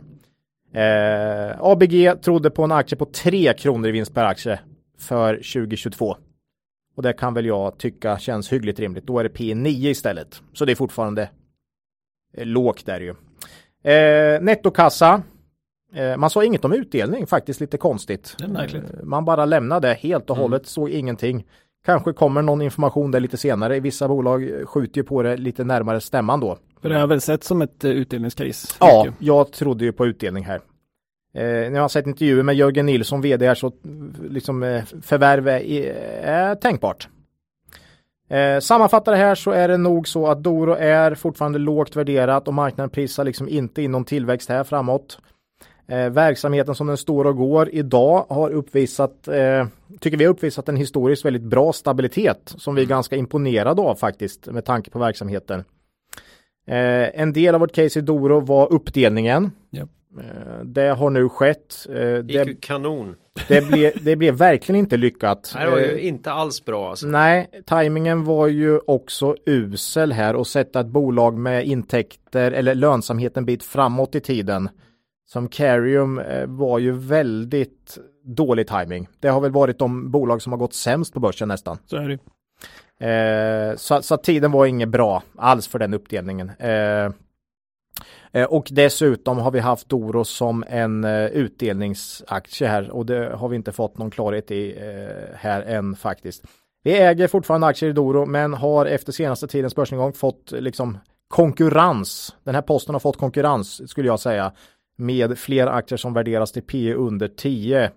Faktiskt Svedbergs var ju en. Mm. Eh, där helt plötsligt är P under 10. Och där vi känner att vi har större möjligheter att gissa Ja, framtiden. Mm. så Doro är inte lika självklart i portföljen längre eh, som den har varit. Men vi Nej. äger fortfarande eh, aktier. Mm. Eh, gör vi. Får vi se vad som händer. Mm. Det är om Doro. Doro. Ja. Då ger vi oss ut på vägarna. Det har jag aldrig sagt förut i samband med det här. Nej, aldrig. Det här bolaget levererar ju mobila hem för de som inte är hemma då. Eh, Kabe. Senast med avsnitt 104. vi är helt synkade idag, 104 är jag med. Nej, gött. Eh, nej men eh, det var intressant för de hade ju en stark Q3. Eh, där varnar man för prisutveckling på insatsvaror, komponentbrist och stigande fraktpriser. Det är väl typ det som AQ sa. Ja, Då kan man fråga sig hur blev det för Kabe då? Eh, nej men då kom man 25 februari med en riktig rökare till rapport istället. Den gick upp 18 procent. ja det var en, Mm. den dagen var ju många av inom citationstecken bolag vi eh, följer Mm. som gick eh, väldigt starkt. Enormt bra rapport Mm. då. Ja, Nästan bästa någonsin tror jag. ja, Men, men det var ju väldigt starkt. Eh, rapporten var mycket bättre än vad vi trodde. ja. Eh, omsättning 40 procent year on year, 12 procent organiskt. Man har ju köpt det här eh, Coachman. Ja. Eh, resultatet upp 243 procent. Ja. Eh, men om vi jämför med Q4 2018 då, som är innan covid och innan bonus malus eh, skatteförändringen på husbilarna då. Mm. Eh, ett normalt år kan man säga då. ja, det är bra. Då var omsättningen upp 8 procent men resultatet upp 105 procent. Mm. Så att marginalerna var extremt starka i Ja. det här kvalet. Det var väl extremt låga nivåer hos återförsäljare och så här också va? Ja. Som man kan leverera en del. vi, vi kommer komma. Ja, Eh, Ebit-marginal eh, 9,8 procent, det är det starkaste Q4 vi har hittat och vi har siffror från 2004. ja. Eh, så det var väldigt starkt. Man, Ja. man säger att de stigande material och fraktpriserna har lett till att eh, bolagets tillväxtingskostnader har ökat.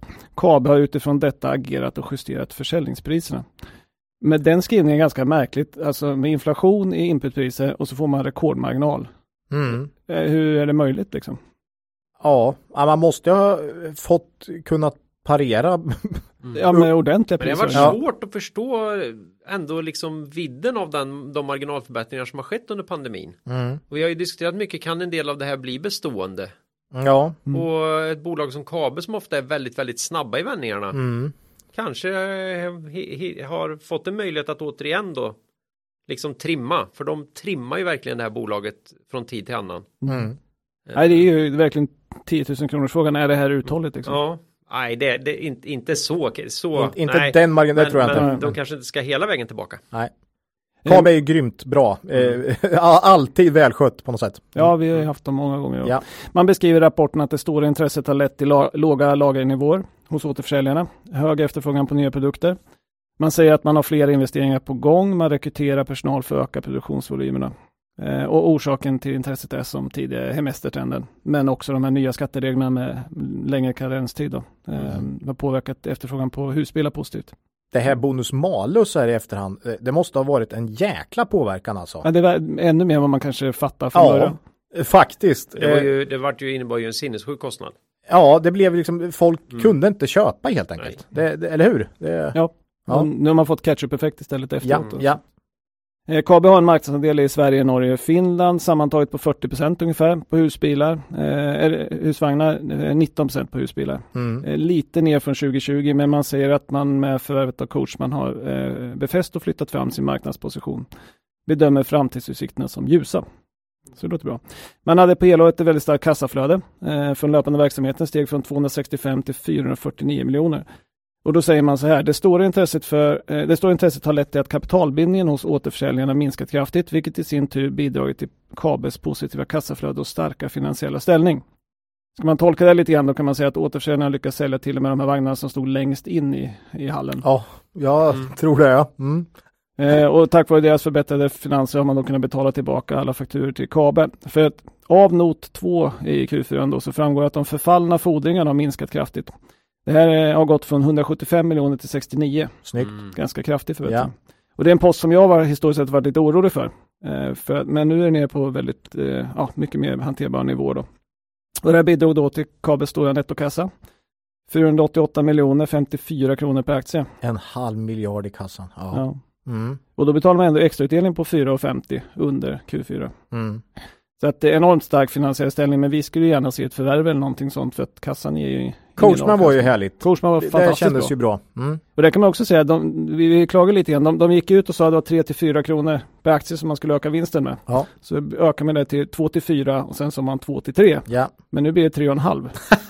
Så att man Det fick var det från du början. som skrämde upp? Ja, fan, de var rätt ute från början Kabel där. Ja. Nej, det jag, jag sa inte åt dem att ändra, det men de ändrade, men vi var ju på dem lite grann. Ja. Men, men det blev 3 till 4. ja, det är snyggt. Bra Det var gjort. snyggt. De hade Mm. till en väldigt starkt eh, Q4 på Coachman. Ja. Eh, på helåret då så, så har de en vinst då på 23,56 eh, kabel. Med kurs 226, P 9,6. ja, det. Trots den starka uppgången på rapporten. Alltså man hör ju bara på när vi sitter och pratar här att det har varit en börsnedgång. Det, ja. det är Mm. mycket P under 10 nu alltså helt plötsligt. Och sen har man ju stor nettokassa så ev-ebit är 6. Ja, Det är Ja. ganska brutala resultat här också. Ja, jo. Om vi tittar i ett historiskt perspektiv. det är att- högre lönsamhet än, än, Ja, ja, än ja. historiskt i Kabel, det är det ju. Men, men, mm. Kabel föreslår en utdelning på 7 kronor per aktie. Det är direktavkastning 3 Bra, där också. Men Mm. det är ju bara 30% av helårsvinsten. ja. Det hade man kunnat gett ut eh, lite högre kan vi tycka i och med att man har nettokassa. Man har ju ändå lite klient i kassan. Bäst att spara Nej, det är lite. väldigt märkligt faktiskt. Nej men Kabel har alltid kört det där. Ja. Ehm, Ja men mm. nu Ja, också. Nej men de, de drämmer till med ett förvärv vet du. Så. Jo det hoppas vi ju de Ja, gör. mm, För mm. annars inflationstrycket nu. Ja, det är Du får inte- inte ligga på kassan nu Pengar och... i kassan är ju inte askul Nej. alltså. Nej. Nej, men eh, mot bakgrund av den starka Q4 då så har vi, tror vi på viss eh, vinstökning nästa år ändå. EPS, eh, alltså vinst per aktie 20, 26,70 P 9 Mm. drygt. Ja. Hur man än vrider och vänder på det här lågt. Ja. Eh, men vi sålde ju som vi sa i podden firmans aktie när den drog iväg mot 300 här för några månader sedan. Eh, vi köpte sen inte tillbaka i raset innan eh, eh, rapporten för vi var lite osäkra på vad som skulle hända. Mm. Eh, nu är den ute eh, men det är mycket annat som är billigt och vi är lite osäkra på vår gissning som vi kallar det för 2022. ja. Eh, ja, vi får Det- se hur vi gör. Det är mer osäkert än vanligt i många bolag tycker jag. Så att, eh, jag har en post i pensionssparandet. Alltså, Jag har också man ska ju- KB i pensionsspar. Alltså KB är ju räntekänsligt naturligtvis. ja, ja. De har är ju det. precis som eh, mycket av den här eh, heminredningstrenden och så här det har ju drivits av att det varit lätt Mm. Lätt både att låna antingen direkt till en, ett sånt här förvärv, de är dyra de här grejerna. Mm. Eller låna på sitt hus då. Och där har du två bitar i det då. Räntan du får på det tillkommande lånet är låg och värderingen på ditt hus är högt eftersom räntan är låg och sen är vi i den här. Börjar det här kontrakteras, vi får högre räntor, då kommer värdet på huset bli lägre, blir svårare och Mm. betydligt dyrare att ta ett sånt här lån och köpa en sån här husbil som kan lätt kosta en miljon. Och sen är det lite lurigt när de, de pratar så mycket om in, inflation i inputpriser eh, och som man Mm. mot, har egna prishöjningar och får sådana marginaler. Eh, kan man fortsätta med det här hur länge som helst? Liksom? Mm. Eh, och man är ju redan i premiumsegmentet med, med sina egna eh, husbilar. Så att, Ja. ja, vi får se. Men Mm. eh, fint bolag, jätte, jätte, jättefin rapport. Ja, ja, kanonrapport från. Den det var säga. Kabe. Mm. Då vet ni grabbar. Idag så har vi ju med oss tjänsten Min deklaration. Ja, just det. Ja, som precis just nu lanserar sitt unika erbjudande. Som jag tror att många av våra lyssnare kommer gilla. Så med oss i podden idag har vi grundaren Per Sydäng. Välkommen till podden Per. Eh, tack så mycket. Jättekul att eh, vara här. Det här är ju början på mars nu och det är ingen slump att ni är med just nu eh, i podden då. Eh, för det här är ju deklarationstider. Eh, berätta, vad är mindeklaration.se för någonting? Ja, självklart. Enkelt kan man ju säga att min deklaration hjälper ju privatpersoner att både deklarera rätt och att vi samtidigt maximerar deras skatteåterbäring. Nu är det ju 8,1 miljoner Eh, privatpersoner som ska deklarera nu i början av mars. Och vi är beredda att hjälpa deklaranterna med sina privata inkomstdeklarationer och där vi ger vi ju förslag på hur de eh, dels bör deklarera och samtidigt eh, maximera sin skatteåterbäring. Nej, för när du berättar så här kort om tjänsten så, ja den känns ju så självklar. Och det är lite konstigt liksom att den inte redan finns. Hur, hur kom du på eh, det här och, och vilka är personerna bakom eh, min deklaration? Ja, det är kul att du frågar Claes. Eh, det är ju som så här att för ungefär två och ett halvt år sedan eh, så var jag tillsammans med min fru Jenny och dotter Lilly i Florida på, på semester. Under en av bilturerna där så såg vi helt plötsligt folk som stod vid vägkanten med stora skyltar där det stod Tax Here. Jag är en nyfiken person så jag hoppade ur bilen och kikade på vad det var de gjorde. Det visade sig då att i USA så är det kutym att man lämnar ifrån sig sin privata inkomstdeklaration till en ekonomisk rådgivare för att dels deklarera gent, eh, rätt gentemot IRS eh, som är motsvarande Skatteverket i, i Sverige då, och att du ska kunna göra det på det mest eh, fördelaktiga sättet. Utifrån det besöket så tänkte jag direkt tanken Finns det här i Sverige? Och efter ett antal googlingar och mycket research så stod det klart att det finns inte någon sån här tjänst i Sverige idag. Och vi hade direkt ett eh, hål att fylla då. Min bakgrund ligger väl eh, kort och gott inom retail i olika ledande eh, positioner hos till exempel eh, Elgiganten eh, och eh, även IT-branschen då som, som försäljningschef. Eh, vi sex personer som grundat min deklaration vi har egentligen två gemensamma nämnare. Eh, det är väl att vi har jobbat med tjänsteförsäljning till privatpersoner som försäljningschefer eller liknande. Och det andra är att vi, vi brinner verkligen för eh, privatekonomi. Ja, det är ju lämpligt då utifrån den här tjänsten. Eh, och ni adresserar ju med den här tjänsten initialt tre särskilt jobbiga saker kopplade till, till våra inkomstdeklarationer. Och det är ju det här med avdrag. Vilka har jag rätt till och hur deklarerar jag dem? Ni tittar på det här med fastighets och lägenhetsförsäljningar som ju kan vara riktigt lurigt. Och eh, sen det här med värdepapper på klassiska aktiedepåer. Det är fortfarande inte helt ovanligt. Eh, så kan du berätta lite mer om de här delarna? Mm, självklart. Ja, men vi ser ju ett eh, stort behov och en eh, bra möjlighet för att hjälpa till ordentligt här.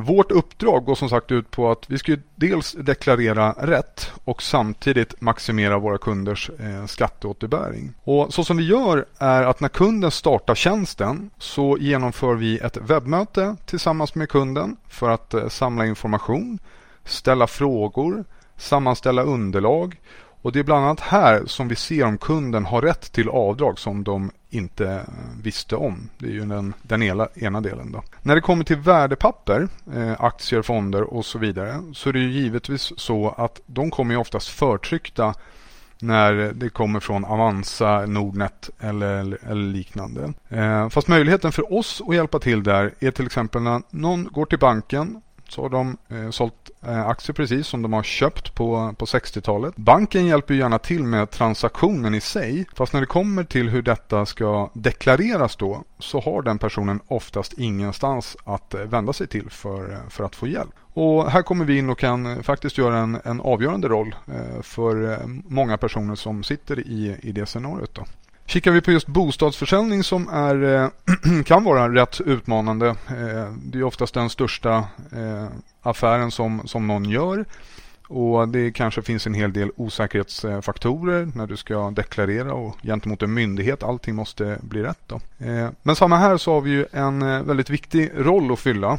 Och I dagsläget så är det ju såklart så att man kan få hjälp av sin mäklare att deklarera sin bostadsförsäljning. Men det man kan ha med sig då är att mäklaren tittar ju enbart på din bostadsförsäljning, inte på din deklaration eh, i sin helhet. Och när vi vrider och vänder på, på de bitarna så kan det ju vara olika skattetekniska fördelar eh, kring bostadsförsäljningen, hur man gör mellan makar eh, och så vidare och så vidare som, som gör att det ja, ligger på plussidan helt enkelt. Då. En annan viktig del är ju just att eh, uppskovsräntan togs bort eh, 1 januari 2021 eh, och där eh, hjälper vi gärna till att se över vilka möjligheter som är mest eh, fördelaktigt eh, för kunden. Jag kan ju tillägga också att eh, det finns ju lite över 90 avdrag att göra som privatperson för inkomståret 2021. Nu ska man ju veta att långt ifrån alla de är ju applicerbara på, på alla deklaranter.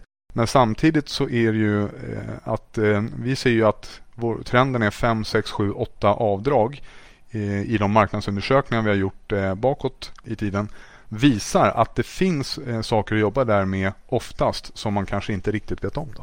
Nej, många känner ju det. Man får liksom de här, det finns en del förtryckta uppgifter på de här eh, deklarationsunderlagen man får ut och då känner man att ja, då är det väl det här klart. Staten har fixat det här till mig och så godkänner man med BankID och så så tycker man att det är okej. Okay. Mm. Uh, och det är ju det här som är så konstigt att vi har hamnat där. Men det är väl bra att man har stort förtroende men det kan ju vara värt att kolla upp. Mm. Har, har jag gjort allt Precis. man kan då? Uh, bara för att förtydliga, vilka riktar sig tjänsten till här och hur, hur tar ni betalt för det här?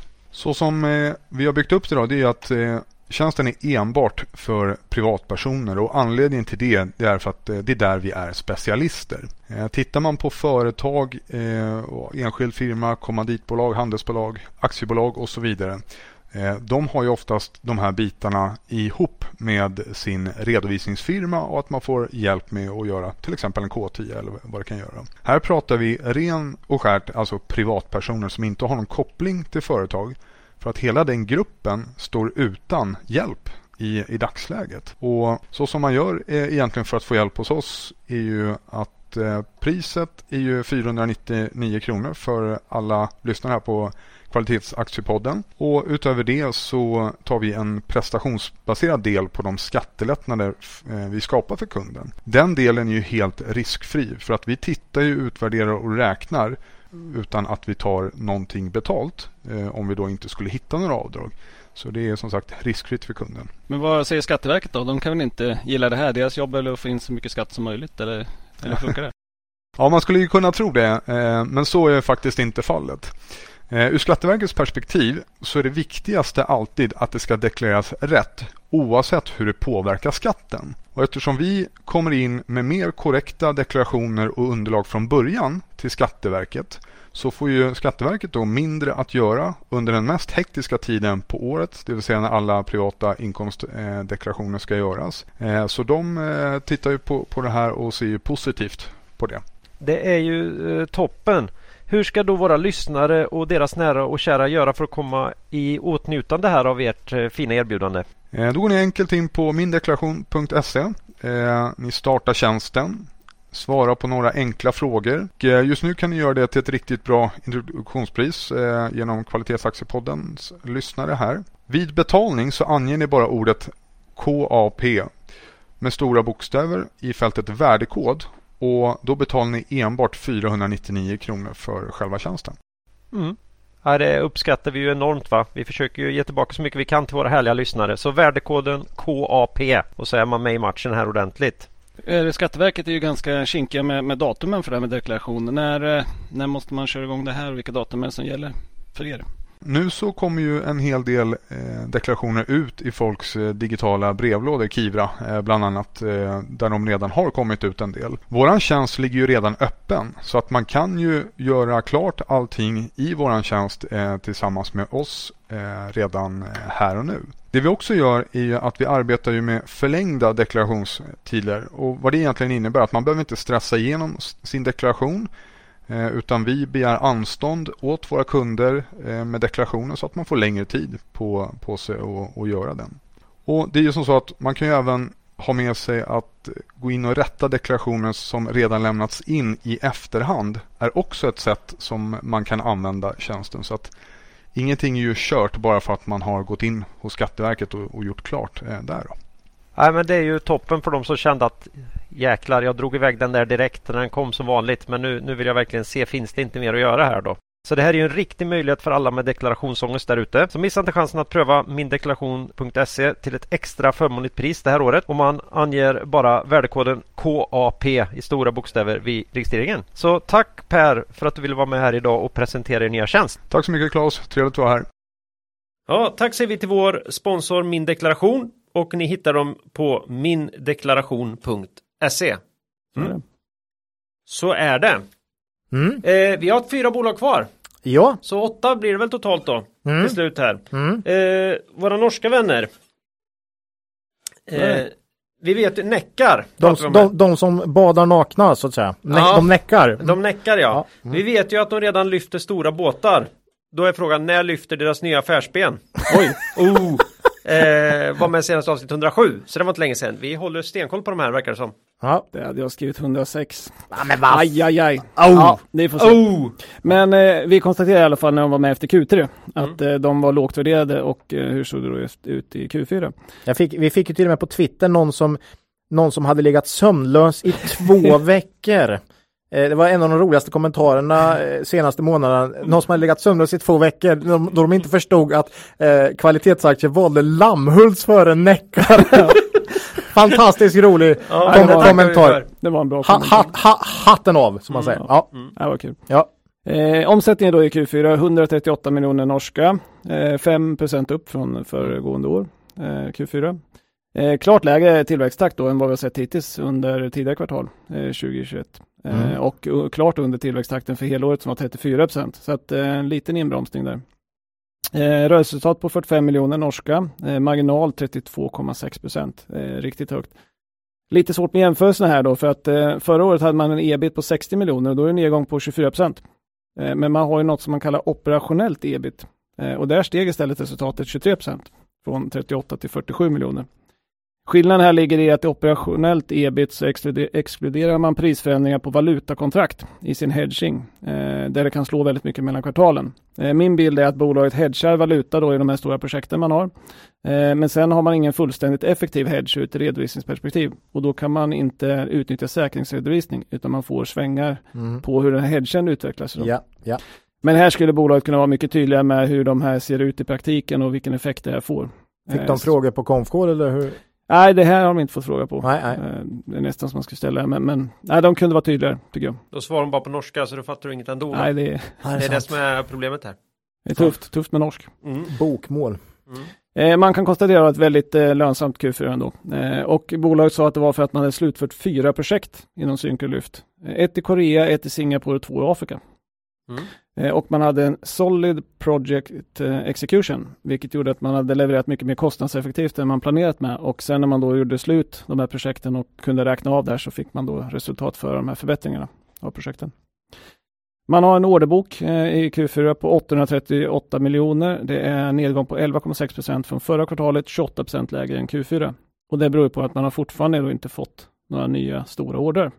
Det har ju vi haft uppe varje gång vi har pratat Ja. om dem. Men man har en gigantisk orderstock här va? Ja, man har ju en stor orderstock och den klarar man sig på en bra tag till, men man skulle vilja se att man fick några nya. in lite. Mm. Men bolaget säger igen då, det har inte, det har inte avslutats något, så vi har inte förlorat några, eh, några upphandlingar, men det har liksom inte eh, eh, blivit någonting som har kommit ut och blivit klart. Förut har man skyllt på covid där, snart får man väl sluta skylla på covid, kan man Mm. tänka sig. Ja, nu kan man skylla på andra grejer snart här. Så att, Ja, eh, Marknaden är död. ja. Det är ju tråkigt. Man har liksom, bara marknaden dog. Mm. Okej, ja, ja. Nej, men man, eh, man håller på och försöker bygga upp servicesidan istället, har vi pratat Mm. om. Det är bra. Eh, och eh, man har lyckats öka antal serviceorder med 35 procent. Eh, 2021 mot 2020. Ordervärdet hade gått från 21 till eh, 73 miljoner. Man har ett mål om 25 procent av omsättningen ska komma från service och dit har man en bit kvar då så att säga. Men vi skulle gärna vilja se att man fick in någon ny större order. Mm. De här optionsdelarna som vi kallar dem, det har det inte hänt så supermycket. Eh, Intellilift, den här digitala borr och övervakningssystemen, där säger man att det är stort intresse från borroperatörer. Man räknar med eh, order i år. Eh, vi får hoppas på det. Eh, fiskburarna som kallas Starfish eh, planerar för test i full stor storlek. Eh, man har ju testsystem som har varit i vattnet nu i 11 månader och man ser att det har gått som det ska. Då. Så att eh, ska hända mer under året. Eh, Skywalker, bästa namnet. Ja. Mm. Den här roboten då som ska bygga vindkraftverk. Eh, man testar fortsatt i mindre skala, jobbar med konceptmodeller för större storlek, eh, men inte så mycket nytt skulle jag säga. Så att vi hoppar dem så länge. De är, optionerna finns kvar, men det har inte hänt så jättemycket. En liten kommentar om balansräkning och kassaflödet. Eh, bolaget har ingen räntebärande skuld. Det är bra. Mm. Det beror på att man får så stora förskott från kunderna då för de här projekten, eh, stora projekten. Eh, för, men förskott från kunder eh, var 45 miljoner i kvartalet ner från 187 miljoner för ett år sedan. Eh, och kassan har gått ner från 368 miljoner till 180 miljoner. Och det här beror ju på att man har avslutat ett gäng Mm. stora projekt. Då. Eh, och man får normalt 10-30% i förskott. Eh, utöver det får man sen milestone payments under projekten. Men man intäktsför löpande när projek- projekten färdigställs, men man får ju då pengar innan många gånger, så att kassaflödet matchar inte intäkterna alltid. Värt att kolla på om man eh, har i åtanke om man kollar på bolaget. Ja. Så vad tror vi om Neca då? Ja, Ehm, bra fråga. Ja, nej, men bolaget sa i Q1, eh, eller att Q1 2022 blir mer likt Q1 2021. Och det var det svagaste kvartalet under 2021. Eh, och att H1, alltså första halvåret, normalt är svagare än andra halvåret. Eh, och det stämmer, men det kändes som man ville hålla ner förväntningen lite grann Mm, mm. på konfkålet. Eh, för helåret så 2021 så hade man då en vinst per aktie på 1,04 norska kronor. Eh, vi gissar det är verkligen inte lätt att prognostisera sådana här projektverksamhet. just marginalerna är ju Ja. så jäkla höga. Det är svårt att veta om det är hållbart på något sätt. Då. Ja. Fruktansvärt svårt, så vi, vi gissar på ungefär samma. Ehm, Vi har ju redan haft lite roligt åt det att i många andra fall så säger ju bolagen att nej, vi måste utöka vår serviceaffär för där kan vi ha Jaha. naturligtvis ha bättre marginaler. Det här är Mm. lite tvärtom. Tvärt, ja. Vi hoppas vi ska kunna ha lika bra marginal i serviceaffären Mm. som vi har i våra ordinarie affärer. Det är ju ovanligt. Väldigt ovanligt. Mm. Ehm, man har aktiekurs på eh, 8,75 eh, nyss när vi gick in. Eh, P tal 8,5. Mm, ja. Det är jättelågt Ja. också, som förut. Och ett bolag man gillar. Eh, bra trender skulle, alltså det kän, känns jäkligt intressant. Mm. Men just vad är uthållig lönsamhet? Jag vet inte riktigt. Mm. Mm. Ja, vi sa förra gången att vi hade en liten bevakningspost. Den har vi kvar. Mm. Eh, vi kommer fortsätta följa den. Vi skulle gärna se att man fick lite större order. Eh, Mm. Jag har sådana här i Nej, men det är en så pass också. ny bekantskap så att det blir svårt det här med i vissa bolag är vi så trygga så att vi till och med gissar på deras förvärv. Mm. Ja, Men här, här vågar vi inte ens gissa på att man kommer få, få order. Så det är ju det här att det gäller att följa bolagen ett tag och vi, vi ägnar oss åt det nu. Vi håller på att bygga upp här. Någon form av känsla, förtroende, conviction. Så, Ja. så får vi se. Sen är det det här med att marginalen har exploderat. Eh. Den har höjts så väldigt mycket senaste åren. Mm. Eh, så att är den uthållig eller vad är någon form av normal lönsamhet här? Den är vi också lite sådär så att Och så guidar de ganska försiktigt nu också. guida ganska Ja, försiktigt. Ja. Eh, För Mm. Q1. Eh, Så vi får se vad det blir när den kommer ut. Ja, Men det är ett intressant bolag. Fint bolag. ja, absolut. då tackar vi båtlyftarna i Neckar Mm. Precis. för ett väl genomfört 2021. Ja, Ja, ja, det kanske man skulle göra mer. Ja, eh, tacka börja med bolagen för ett Ja. väl genomfört 2021. Ja. får åka på deras... Eh... I alla fall de som har Nu gjort kan ett bra... vi ju börja åka på stämmorna igen. Det gjorde vi mycket för. Ja, Det var något skit ja som kom i vägen. bråka, men, mm. Ja, men vi var ju på några stycken. i men man var på Svedol och åt räkmacka och, Och ja, du vet BTS. väl, BTS och, och fick jordgubbar redan i, i, i maj va. Det var, ja, det var, mm, jo. Du vet ju hur det är med, med, med de här pensionärerna som, som går och snyltäter. Va? Ja. Ja, Jag hörde en ganska kul historia. På, jag tror att det var, det var ett av de största bolagen i Sverige som börjar på E. Ja, Eh, pratade med IR där som sa att de hade ju börjat med kladdiga eh, liksom, Bakel- bakelser. För att inte liksom skulle fara ner ganska många i handväskorna och sådär. ja men alltså vad är det för, alltså man blir ju bara ledsen. Jag tycker det ska de ha de här stora Ja, men liksom- börsbolagen. Dags att betala tillbaka lite till Ja. folket va? Det kanske inte är, Nej, jag tror att det, det Ja. drabbar ingen fattig. Nej, men, men de körde kladdiga mackor. Ja, Ja. det är Bra, underbart. bra. Det är underbart. bra bo, Och det stora bolag på vi. E. Det är ju gott, det kanske med har räk på. Mm. Kan vara. Ja, majonnäs, Ja, en räkmacka, Ja. den stoppar du inte ner då, det kan jag säga. men eh, gott är det. Men go- ja. Då får man Eh, i alla fall äta när man nej. är där. Mm. Vi behöver komma vidare. Ja, ja, det måste vi. Skärpning. Ska vi ta ett litet bolag på O nu eller? Ja, ja. Från Eh, ett stort bolag på E till ett litet på O eller? Ja, i, i samtalet i alla fall. Ja. Ogunsen, det här är ju rekrytering och bemanning som går som tåget just nu. Mm. Senast avsnitt 105 här. Mac- Absolut. Macke shoot. Sen hade vi vinstuppjusteringen som vi redogjorde för i 109 också. Ja. Amen. Eh, Så därför blir det en kort kommentar nu bara. Eh, De, omsättningen på 122 miljoner var ju redan känd då, eh, sen vinstuppjusteringen. Eh, 35 procent upp från föregående års Q4, väldigt, väldigt starkt. Man sa vid det tillfället 15 till 16 miljoner ebit, det blev 16. Så det är Snyggt. högsta. Mm. Marginal 13,1 procent och det är det bästa vi har haft på ett högsta i kvartalet sedan 2007. Ja, det är Mm. bra. Så det är väldigt bra. En vinst på helåret då för 2021 blev 3,29. Eh, Man eh, säger att man haft hög efterfrågan och hög aktivitet inom både konsult och rekryteringsverksamheten under hela kvartalet. Vår tes under hela hösten som vi har pratat om i podden har ju varit att högtrycket på rekryteringsmarknaden skulle bestå. Och det har ju verkligen spelat ut Mm. som vi trodde. Eh, I och med att siffrorna var kända så riktades ju mest eh, intresse om vad, mot vad man sa om framtiden. Då. Eh, och i rapporten säger man att en hög eh, efterfrågan på hög, just det man sa så här, eh, efter, när efterfrågan är hög under tid uppstår ofta en utmaning att attrahera och leverera rätt kompetens i uppdragen. Det har ju vi varit inne på i podden också. Mm. Mm. Bolaget säger dock att tack vare medarbetarnas erfarenhet och förmåga klarar man av att möta utmaningen och leverera kvalitet till kunderna på ett bra sätt. Och så sa man också att det första kvartalet har inletts med fortsatt hög efterfrågan och aktivitet. Snyggt. Det låter ju bra. Den andra punkten jag var intresserad av var utdelningen också som man inte visste om. Ja, Nej, och, men om man, den, den här rapporten kommer ju 25 februari, det är ju väldigt sent. Ja, Och då har i princip två av tre månader i Q1 gått. borde ha hygglig koll ja. Mm. Så, så säger man så att man har, man har hög efterfrågan i, i början på året så känns det som att man kan nästan vara helt säker på att Q1 kommer bli starkt. Ja. Eh, och sen Q1 2020 var inte ett särskilt svårt jämförelsekvartal heller. Så att. Men precis som du sa Ola, i, i bokslutskommunikén är ju mycket intresse mot utdelning och särskilt i bolag som Ogensen som har en historik av att dela ut mycket pengar. Då. Vi sa ju förra gången vi var uppe i podden att vi trodde på 2 kronor men kanske upp mot 2,50. Man toppar det här med 3,30, Mm. det vill säga hela vinsten. Det är ju väldigt högt men bolaget har ju som vi sagt tidigare väldigt kapitallätt verksamhet, inga skulder, eh, nettokassa på 6 kronor per aktie. Så att, ja, Ja. Man valde att dela ut all vinst. Härligt. Eh, aktiekurs runt 45 då, direktavkastning strax över 7 procent. Mm.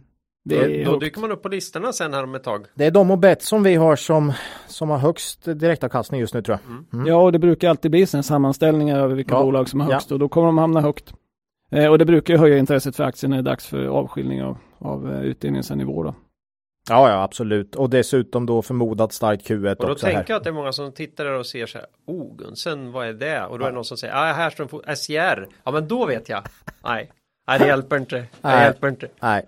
Nej, det är smått. Ja.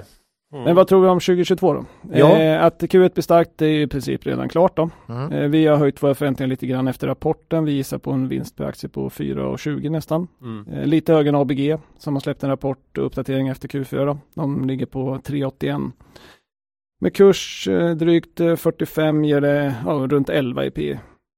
Inte högt för bolag med, med nettokassa och 7% i direktavkastning. Nej, och sen måste jag säga okej, de gynnas av en stark marknad nu. Det måste man ju Så säga. absolut. Men eh, mm, för varje kvartal här så känns det som att deras lite mer långsiktiga mot, liksom, eh, mål. Ja, men jag, jag, jag vågar nog tro på det lite mer för varje kvartal. Mm. Eh, för de har ju satt ganska aggressiva mål framåt nu. Det. Eh, och ja, slår det in så blir det säkert Mm. bra här. Ja, men Och- vi, och- ja, Högutdelare. högutdelare. Nej, vi har kvar våra aktier. Vi har kvar våra aktier där har väl varit, ja, varit bra under inledningen av året här för vår portfölj då. Mm. Så är det. Det var Ogunsen. Ja, Eh, vi går vidare till ett annat bolag vi pratar mer och mer om här i podden. Eh, och det är ofattbart nog en affiliate inom iGaming. Eh, RakeTech. mm. Och som är i avsnitt 105 senast. ja det har ju blivit vårt helt plötsligt största bet inom iGaming efter, Hade jag sagt det till dig för ett år sedan Ola, då hade inte du trott mig du. då hade jag slagit dig. i- nej det hade jag inte. Vi är ju mot våld. Jag trodde vi hade etablerat att vi är Banken. mot våld. Ja, nej jag hade inte alls slagit, jag hade bara sagt nej Claes. Du Det, hade visat vad dörren var. Ja, nej, men eh, efter det här budet på Aspire Global här har det ju liksom seglat upp som det största här inom den här sektorn då Mm. för oss. Eh, Ihop med Betsson. Med Betsson ja, just det. Eh, RakeTech då, spelaffiliate. Vad, hur, hur ska man förklara? Jo, hotels.com. Det, det vet de flesta vad det är va? En hotellaffiliate. Ja, det är det ju. Man rankar olika hotell jämfört med varann och så kan du gå, via den här hemsidan gå in och eh, boka hotell på sådär va? Får lite rabatt. Ja, här har du då sportsbetting och casino eh, affiliate, det vill säga du rankar olika sajter, eh, Betsson, Unibet, Bet365, alla de här olika. Och sen så kan du via mm, olika hemsidor eh, länkas till de här. Helt enkelt. Ja, ibland gör de så. Ibland har de ju fin, såna här matcher, eh, sidor som tv-matchen och sådär. Där Ja, man precis. har a- associerade saker som folk Ja, är intresserade av. Och så tipsar man om att här skulle du kunna spela på. ja.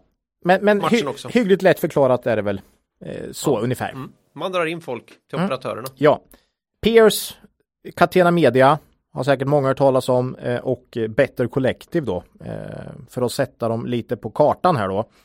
Eh, RakeTech eh, släppte en Q4 som var ganska in line med våra egna förväntningar. Omsättningen steg med 40% Rörelseresultatet steg med cirka 70 Vinst per aktie upp 26% Där fanns det en engångsintäkt föregående år som drog ner eh, som gjorde att det ser lite sämre ut så att säga. Mm.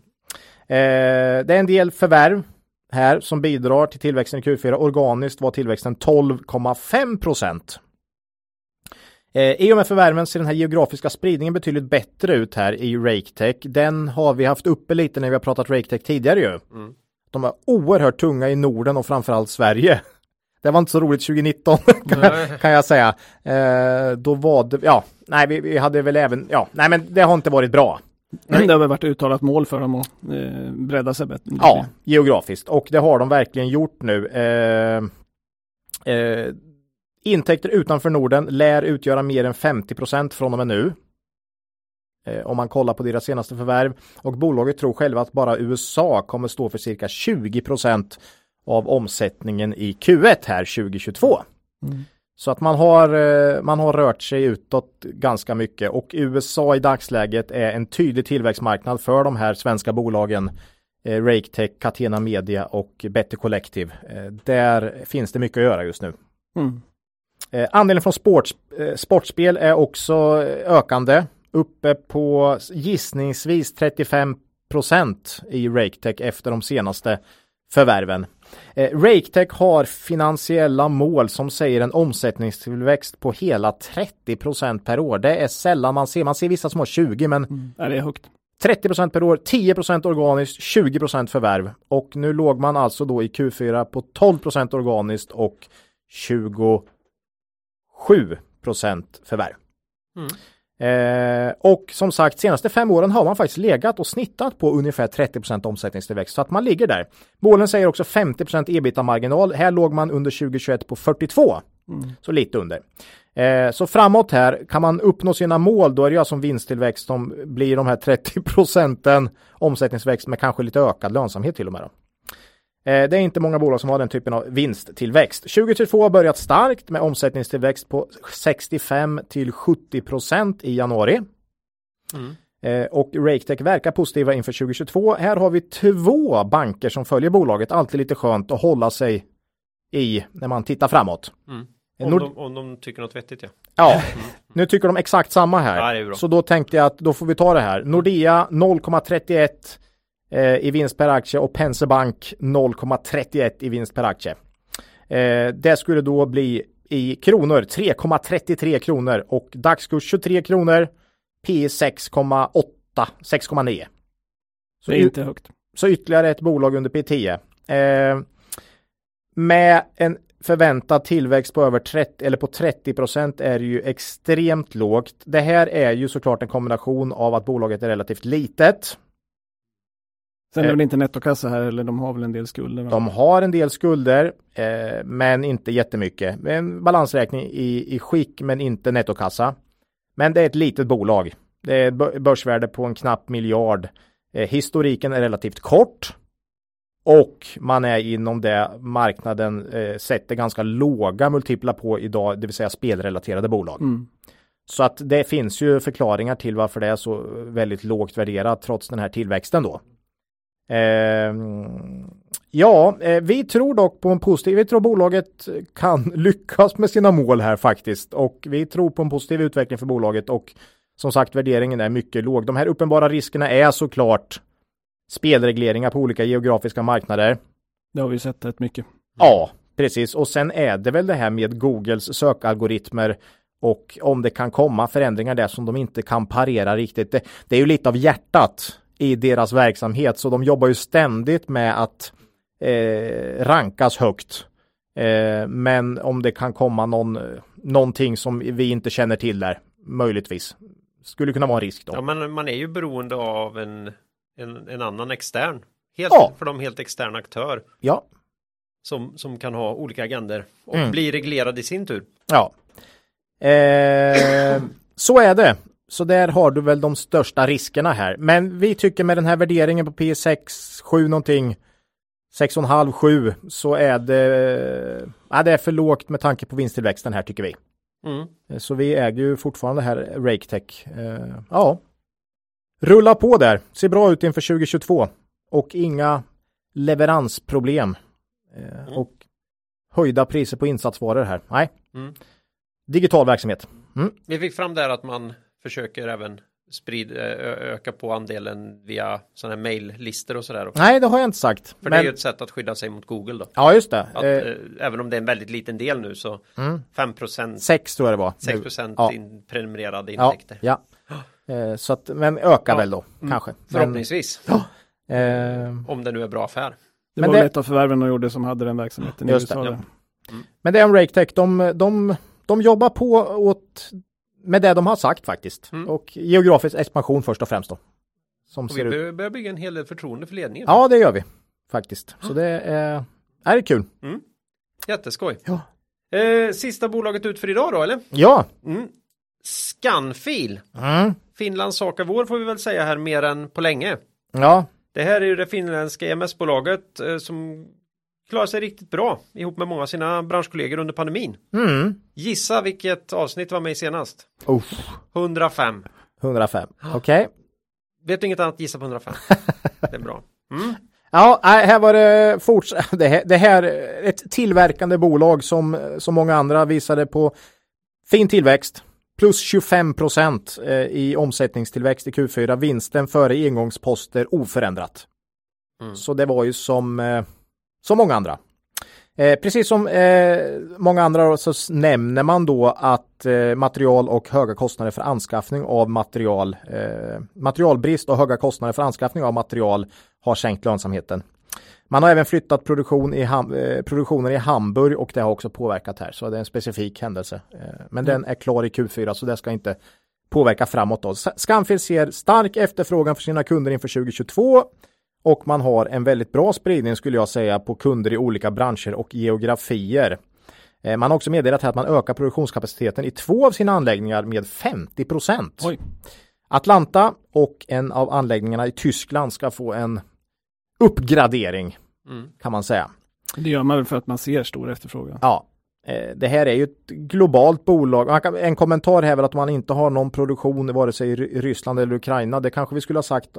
Men det tror jag faktiskt inte att någon av bolagen vi har tagit upp idag har Nej. någon verksamhet i, i Ukraina eller Ryssland. Förutom då GFM som vi nämnde tidigt. Mm. Eh, Men, men Scanfil har inget i Ukraina eller Ryssland här. Inga produktionsanläggningar där. Eh, Scanfils långsiktiga finansiella mål säger mellan 5 till 7 procent organisk tillväxt per år och då ska man krydda det med förvärv. Rörelsemarginal ska ligga på 7 procent. Eh, outlooken för 2022 ligger i linje med de långsiktiga finansiella målen vad gäller omsättningstillväxt men man ligger lägre på lönsamhet. De, deras guidning motsvarar cirka 0,54 euro per aktie i vinst om jag har räknat rätt här. Mm. Ehm, och då lägger jag mig mitt i det här guidningsspannet. Så brukar vi ofta göra. Japp. Eh, på kurs 6,50 är det P 12. Eh, inte så högt för ett bolag som ökar sina intäkter fint senaste sju åren. 16% per år i snitt faktiskt. Det är bra eh, och man vi vill gärna ha ett bolag i den här sektorn. Det har vi väl sagt nu ett litet tag.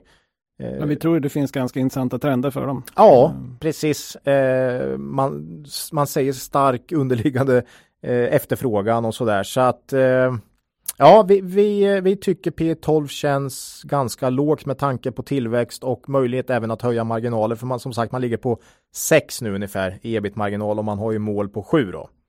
Så där har du också en bit att jobba. Direktavkastningen ligger cirka 3% i dagsläget då, så det är också vettigt. Vi har kvar våra aktier i Scanfil, eh, vilket vi har haft ett ganska bra tag nu tror jag. Eh, har väl inte varit någon, Vi har väl köpt mer i och för sig nu i raset vi har köpt också. mer i raset också här. Eh, så att, nej, den har vi kvar. Tycker det utvecklas på ett bra sätt. Det är som Mm. Macke brukar säga, en lång position är ofta en kort som gått Gått fel. fel. Ja. Mm. Nej, Ja, nej, men mycket har ju gått ner nu så att Ja. eh, vi har ju köpt mer och köpt nytt. mm. Eh, så kan vi säga. Jag tyckte det var ganska matnyttiga bolag i, i eh, nuvarande börsläge också. Ja. Våra lyssnare. Eh, liten bredd Mm. Eh, Det var och- värt att ta sig en liten titt på några av de här bolagen faktiskt. och snitt PE på dagens bolag borträknat Bahnhof är väl 10 Mm. ungefär. Mm. Och sen gör sin egen analys. Gör sin Ja, egen analys, såklart. gör alltid Jag en tror egen jag analys. nämnde det innan i podden. Ja. Ja, det är bra. Det kan vi ta igen. Det gör vi alltid. Ja. Mm. Det är oerhört viktigt. Det var bolagen. Ja, Vi hade ju en liten tävling här i, senast. ja, Hur går det? Ja, det är ju det blir dags att lite snabbt presentera de sista vinnarna i estimattävlingen vi kört i samarbete med Pinpoint då. Eh, vars eminenta hemsida man hittar på pinpointestimates.com. Mm. Eh, här gäller det att gissa omsättning och vinst per aktie i Q4 för VBG. Mm. Det var ingen som tänkte säga Vänersborgs stolthet. Nej, Nej, Nej, eh, och då kan man ta hem ett ex här av Howard Marks The Most Important Thing. härligt. Som vi har eh, kluddrat lite i. Mm. Eh, och den som gjorde det bäst detta kvartal var Filip Stenberg från Karlstad. Bra jobbat. Hipp hipp hurra! Härligt. Bra Filip. Ja, men Pinpoint de är så fina va? Så de lottar ju även ut en bok till Nej, en efter. eh, nyregistrerad användare. Ja, det är fantastiskt. Och den här eh, gången går den eh, till eh, boken till Max i Limhamn. Grattis Max. Mm. Mm.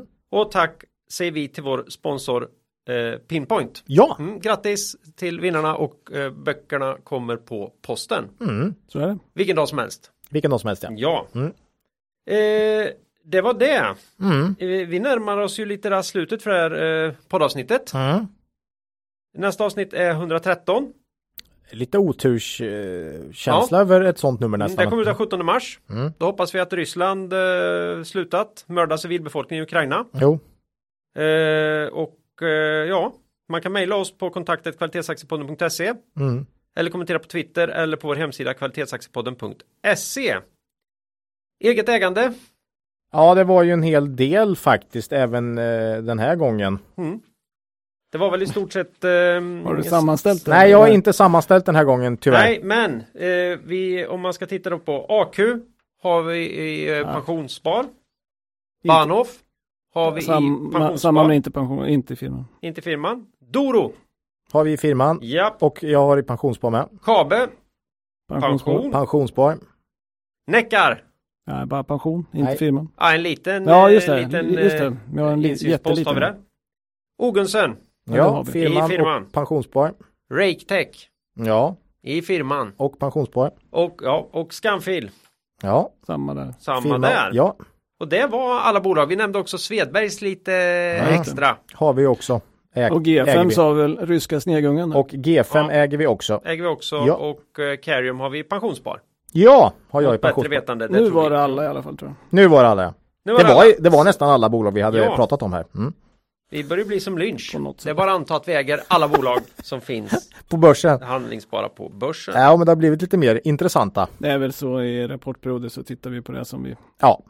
Har mycket. Nästa gång kanske vi kan skrapa upp lite sådana bolag som vi inte har hunnit med lite, eller?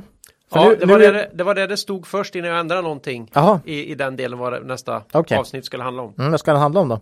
Ja, att vi eh, kommer skrapa upp lite bolag vi inte har Ja, hunnit med. ja, Ja, det är bra. Jag tänkte att det kanske var viktigare att det blev slut på kriget. Så Ja. jag skrev det. Jag Ja, tänkte att det kanske kan bli sant. Ja. Jag. Eh, så är det. Eh, ja, innan vi skiljs åt här så vill vi först eh, tipsa alla om att gå in på mindeklaration.se och kolla in den tjänsten. Mm. Tror att det kan vara något för er. Ja. Eh, de har ju tre, åtminstone tre olika varianter där så att säga. Eh, som kan vara intressanta. Och eh, så vill vi också påminna om att eh, man kan gå in på Cavaliers hemsida. Cavalier.se och läsa på om deras fina erbjudanden. Mm. Ja, och har ni möjlighet men ännu inte skänkt en slant eller bidragit till en insamling till förmån för Ukrainas eh, hårt ansatta befolkning så tycker jag gärna att ni kan göra det också. Ja. Eh, men nu säger vi hej då för den här gången och ber er komma ihåg att Det är först när tidvattnet drar sig tillbaka som du får se vem som badat naken. Lose money for the firm and I will be understanding. Lose a shred of reputation for the firm and I will be ruthless. I welcome your questions.